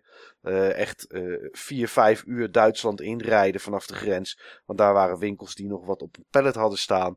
Dat klopt, maar dat was op de vrijdag. Als je daar op de zaterdag kwam, waren ze ook weg. Dus dat is helemaal niet onverdienstelijk. En ik hoorde, nee, ik las vanavond nog dat Amazon was het volgens mij in Amerika vlak voor de feestdagen pieken heeft gehad. Dat er per minuut duizend PS4's en Xbox One's gemengd over de toonbank gingen. Dus eh, Damn. ik, eh, ik denk dat ik eh, van de Xbox One, zeker met een game als Quantum Break die er aankomt volgend jaar. En nog meer Titanfall. Titanfall, lekker op de PC.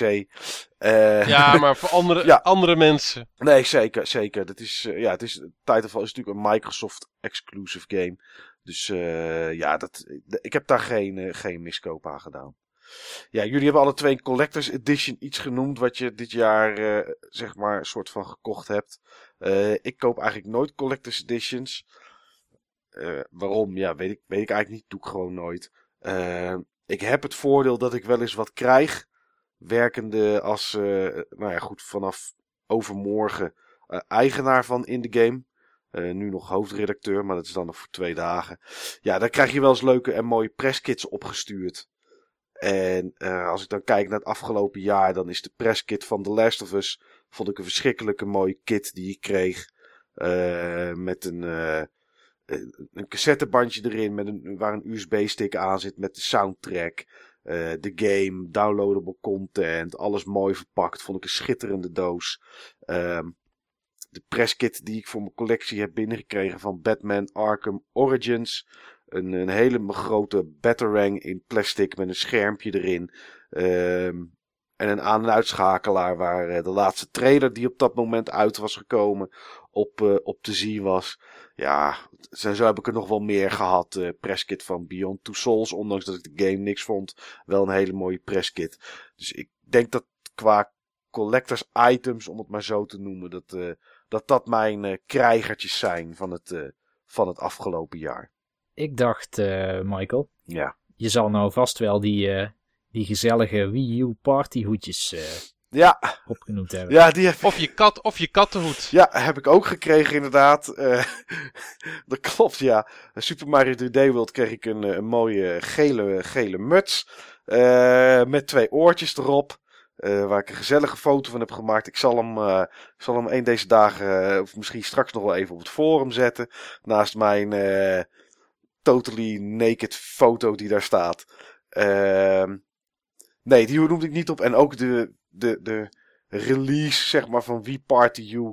Waarbij ik eh Jip en Janneke champagne kreeg. eh, snoepjes die eh, alleen maar met gezonde grondstoffen zijn gemaakt. Idem dito chips die ergens uit een eh, Reforma winkel kwamen. En ook echt niet kanen waren. Samen met de foeilelijke hoedjes om zelf thuis een eh, Wii U party eh, te beginnen. Nee, ik heb die niet genoemd. Ik heb de hoedjes wel bewaard. En mijn dochter kwam van de week naar beneden en zei... papa, wat moet jij met deze hoedjes? Ik zeg, neem maar lekker mee naar huis, schat. Dus nee, dit, eh, dat heb ik inmiddels weggegeven. Ik, eh, nee, Het waren hilarische foto's die je door hebt gestuurd. Ik heb het meerdere mensen ook laten zien. ja, Ja, ik heb ook een foto van mij meerdere mensen laten zien. ja. Je moeder was gecharmeerd van me, hoorde ik. ja, eh. ja, zeker, zeker. Ja, Dus als dan mijn moeder eh, lacht, dan mag ik binnenkort papa tegen je zeggen. ja. Nou, laten we dat niet doen.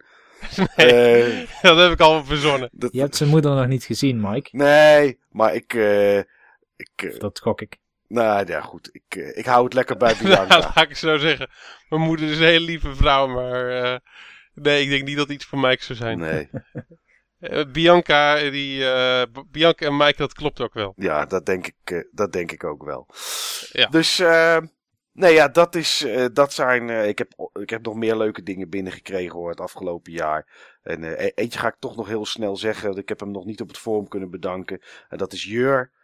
Joker Jur, die stuurde mij na kerst, stuurde die mij Santa Claus Saves Christmas voor mijn PlayStation 1 verzameling. En daar was ik ook super blij mee, want die had ik nog nooit, Ja, stof. had ik nog nooit gezien. Leuk, Ja, dus leuk. Ja, dat is mijn jaar eh, qua aankopen en krijgertjes, eh, jongens. Dat zijn eh, mooie aankopen in eh krijgertjes. Nou, dan hebben we natuurlijk nog de aankopen van de forumleden. Waar ik er eventjes een paar van uit ga lichten. Want dat gaan we natuurlijk niet met allemaal doen. De liefde voor Sega is groot. Ja, In ieder geval zeer groot bij, bij NMW. Met zijn geweldige collectie ja, Sonic First for Figure beelden. Ah, zulke mooie beelden. Ik wou dat ik meer ruimte had. Vooral voor die van Sonic en die van Tails. Die vind ik echt heel mooi. En, eh, Ryu van, eh, van Shenmue. Die ook eh, zeg maar door Killing Raptor is gekocht. Nou, prachtig game. Leuk om daar gewoon een stukje memorabilia... Memorabilia... Help Miss Mike. Memor... me memorabilia, ja, ik weet hem in het Engels beter. Gewoon Om een mooi beeld te, om een mooi beeld Prularia. te hebben. ja, om een mooi stukje prularia. Snuisterijen. Of eh, Ja, zoals om een ik mooi eh, stukje prularia te hebben staan. geleerd heb deze week van, eh van Starwolf. Die, wat ik altijd van iedereen op mijn flikker kreeg. Maar hij heeft een behoorlijke verzameling en noemt het zelf ook zo. Poppen. Poppen. Ja. Ja.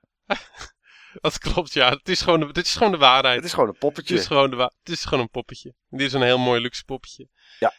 Nou, ook een mooie aankoop. Echt top aankoop die aangeeft dat je nog steeds gewoon leuke, echt prachtige dingen kan, eh, kan scoren op Marktplaats voor een goede prijs. Eh, mijn goede vriend Carl 2, die een hele eh, PlayStation set heeft gekocht met allemaal RPG games. Allemaal mooie titels voor 5 eurotjes per stuk. Ja. Nou, dat is toch mooi? Dat is zeker mooi. En, want wij zijn dan geen specifiek Nintendo forum, maar wij, wij kicken ook wel af en toe op, op games waar alle flapjes nog, nog aan zitten. Eh, de prachtige st- eh, Stack-up van, eh van Matsor. Een moeilijke game om, om te krijgen. Een stukje Nintendo geschiedenis uit de Rob-serie. De Rob zelf van, van Peter81. En zijn, eh, zijn Rodland die hij gescoord heeft. Allemaal prachtige Nintendo items. En natuurlijk Gordijn met zijn mooie, met zijn mooie Nintendo item. Zijn Ja, want ik was, ik was aan het opbouwen. Oh, ik, was, ik was aan het opbouwen. Maar al die Nintendo items en al die andere items, die halen het natuurlijk niet bij de eh, M82 eh, kasten. eh, die gekocht zijn en gescoord zijn en gevonden zijn door, door Frey, door Frey Tendo. Waarvan er één van de drie, want het was er niet één, maar het waren er Ja. drie, drie van die kasten. Waarvan er eentje terechtgekomen is bij, bij Gordijn. Ja. Waarvan er eentje nog steeds in het bezit is van, eh van Fretendo. Nou, je zal het maar vinden, mannen. Ja, bizar toch? Drie van die kasten. Ja. Ik heb het verhaal ook eh, gehoord en eh, hij zal het ongetwijfeld nog eens een keertje op het forum eh, vertellen van het verhaal van, eh, van die kasten. En in de volgende uitzending dan kunnen we ook iets zeggen over, eh, over hoe het is om achter zo'n kast te spelen. Maar eh, ja, het is gewoon een legendarisch eh, stukje Nintendo eh, geschiedenis wat je op die manier eh, in huis haalt.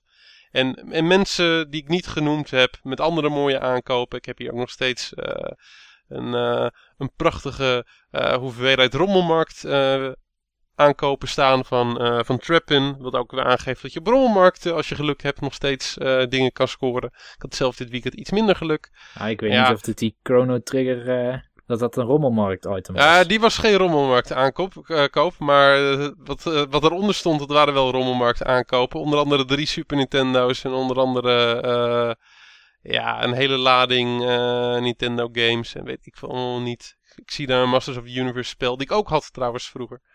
Ah, those were the days. Ja, Maar joh, mensen, wat kunnen we toch met z'n allen een gave shit bij elkaar kopen? en nog steeds, hè? Dat is wel. En nog steeds, en nog steeds. Nog steeds worden er dagelijks, nou ja, goed, misschien wekelijks, maar anders dagelijks worden er gewoon nog steeds items gevonden bij, van mensen op zolder of wat dan ook. Het is echt Ja. eh, bizar. Ja, ik ben heel benieuwd welke dingen we allemaal met z'n allen gaan kopen in 2014. We kijken er naar uit om ze voorbij te zien komen in jullie aankooptopic. eh in het aankooptopic van de beurzen zoals Deurne en de, en de Bonami-beurzen. Het eh, verplichte Koning, Koninginnedag, wat nu Koningsdag eh, topic genoemd zal, zal worden. Om te kijken wat we daar allemaal kunnen vinden. Ja, het is toch mooi dat we eh, naar deze dingen al uit kunnen kijken, mensen. Ja, Koningsdag wordt weer eh, episch met mensen die Eh, met karren rondlopen en mensen zoals ik vorig jaar had, die gewoon, of dit jaar, die gewoon met helemaal niets terugkomen. Het, ik had zo medelijden met je, Mike. Ik had zo medelijden met je. ja, Maar dit jaar wordt gewoon jouw jaar. En dit jaar wordt gewoon ons jaar. Het wordt ons jaar met buttonbashers. En ook daarbij geldt niet alleen bij als het buttonbashers panel. Maar het hele buttonbashers team. En het hele buttonbashers ledenbestand wat we hebben. We gaan er gewoon ons jaar van maken. We willen de leukste, gezelligste eh, gaming community van, eh, van Nederland eh, opzetten. De leukste, gaafste, gezelligste gaming community van Nederland zijn. En we zijn al gewoon heel goed op weg. zeker.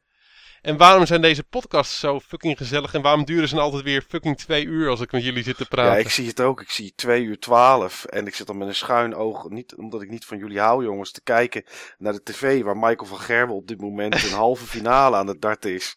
En ik dat natuurlijk ook graag wil zien. En, eh, maar ja, Dat is ook een spelletje, hè? Of is het, of is het een sport? Ehm oeh, dat vind ik een gewetensvraag, maar ik noem het geen sport totdat het Olympisch wordt. Nou, ik wens je veel, ik wens, ik wens Barney en de rest veel succes om dat voor elkaar te krijgen. Dat gaat ze nooit Als, oh, ik zie het echt helemaal voor me. Een Olympisch dorp met afgetrainde hockeysters en afgetrainde eh, zeg maar, eh, ring, ringenspecialisten en eh, gewichtheffers en weet ik veel allemaal niet, kogelstoters. En dan komen daar de atleten van de dartsfederatie. Nou, nou, nou. Met hun afgetrainde buikjes. ja, inderdaad, ja. Ja.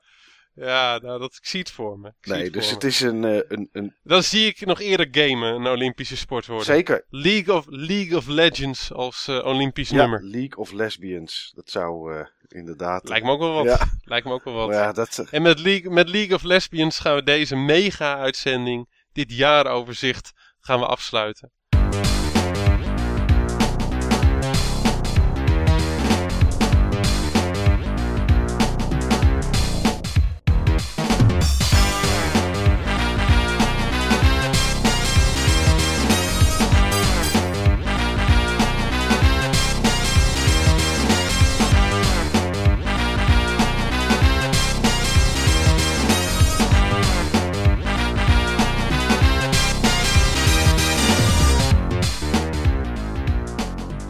Afsluiten door iedereen die van ons lid is geworden en iedereen die deze podcast altijd regelmatig incidenteel eh, luistert eh, te bedanken. Eh, dat jullie gewoon op deze manier jullie tijd in ons investeren. In, op die manier een stukje waardering hebben voor hetgeen wat, wat, wat we doen. En als laatste wil ik namens mezelf en ook namens Mike, want ik ken Mike goed genoeg om namens hem te spreken, met name ook Niels bedanken voor dit idee. Ja. Het was een, het was een goed idee, Niels. Nou, dankjewel, dankjewel. Het was een goed idee. Ja, ik kan me de dag van gisteren nog herinneren dat ik op, eh, in Deurne stond en Steve mij eh, aansprak. En mij iets langer aan de praat hield dan, eh, dan, dat, ik, eh, dan dat ik gewend was van mensen in het, eh, in het retro-circuit. En, eh, maar dat was een, eh, een onverkapte en voor mij onwetende sollicitatie. Had ik het gevoel. En eh, toen hij me vertelde over het idee van Niels, heb ik eigenlijk direct ja gezegd. En dat eh, is me tot nu toe, heb ik daar nog geen, eh, geen moment spijt van gehad. En alleen maar profijt. En vooral een hoop lol en kennis van opgestoken. Dus ook, eh, zoals Steve dat inderdaad eh, deed, eh, Niels, hartelijk bedankt. Ja, super om te horen, jongens. Daar doe ik het zeker voor. Nou, dat is Nou, mooi. En jullie zijn ook geweldig eh, met eh, alle toewijding en eh, met name in het bijzonder deze afgelopen twee weken. Het zijn lastige twee weken, hele drukke twee weken geweest. Ook al hadden Steve en ik misschien vakantie, maar eh, Mike had geen vakantie. Heeft eh, desalniettemin een heel forum eh, technisch eh, gerealiseerd. Steve eh, wilde eigenlijk genieten van zijn vakantie en niet zich bezighouden met zijn werk. Heeft toch zijn werk zitten doen, maar dan voor ons. Ja, en daardoor hebben wij dit kunnen bewerkstelligen. Nou, ik denk dat... Wat een mooie, wat een mooie woorden van lof en waardering allemaal.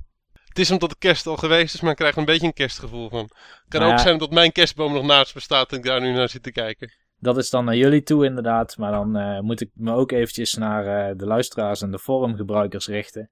Want ehm, ja, zo'n idee kun je met z'n drieën opkomen om een podcast te doen of om een eh, forum te starten.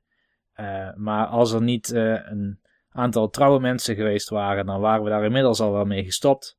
Ja. En eh, als we zien nu hoe het forum eigenlijk bloeit, want als ik daar op F5 druk, zitten er meestal wel twee, drie pagina's nieuwe posts in van mensen die dus heel actief zich ermee bezighouden.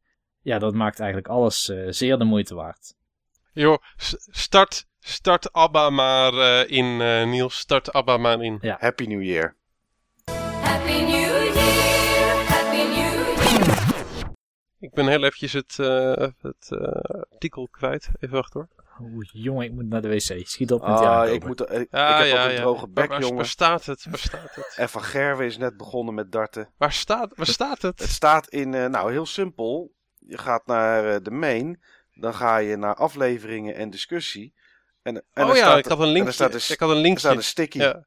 Naar welke games kijk je? Nee, even kijken. Mooiste op ja. je hoop. Ja, oké.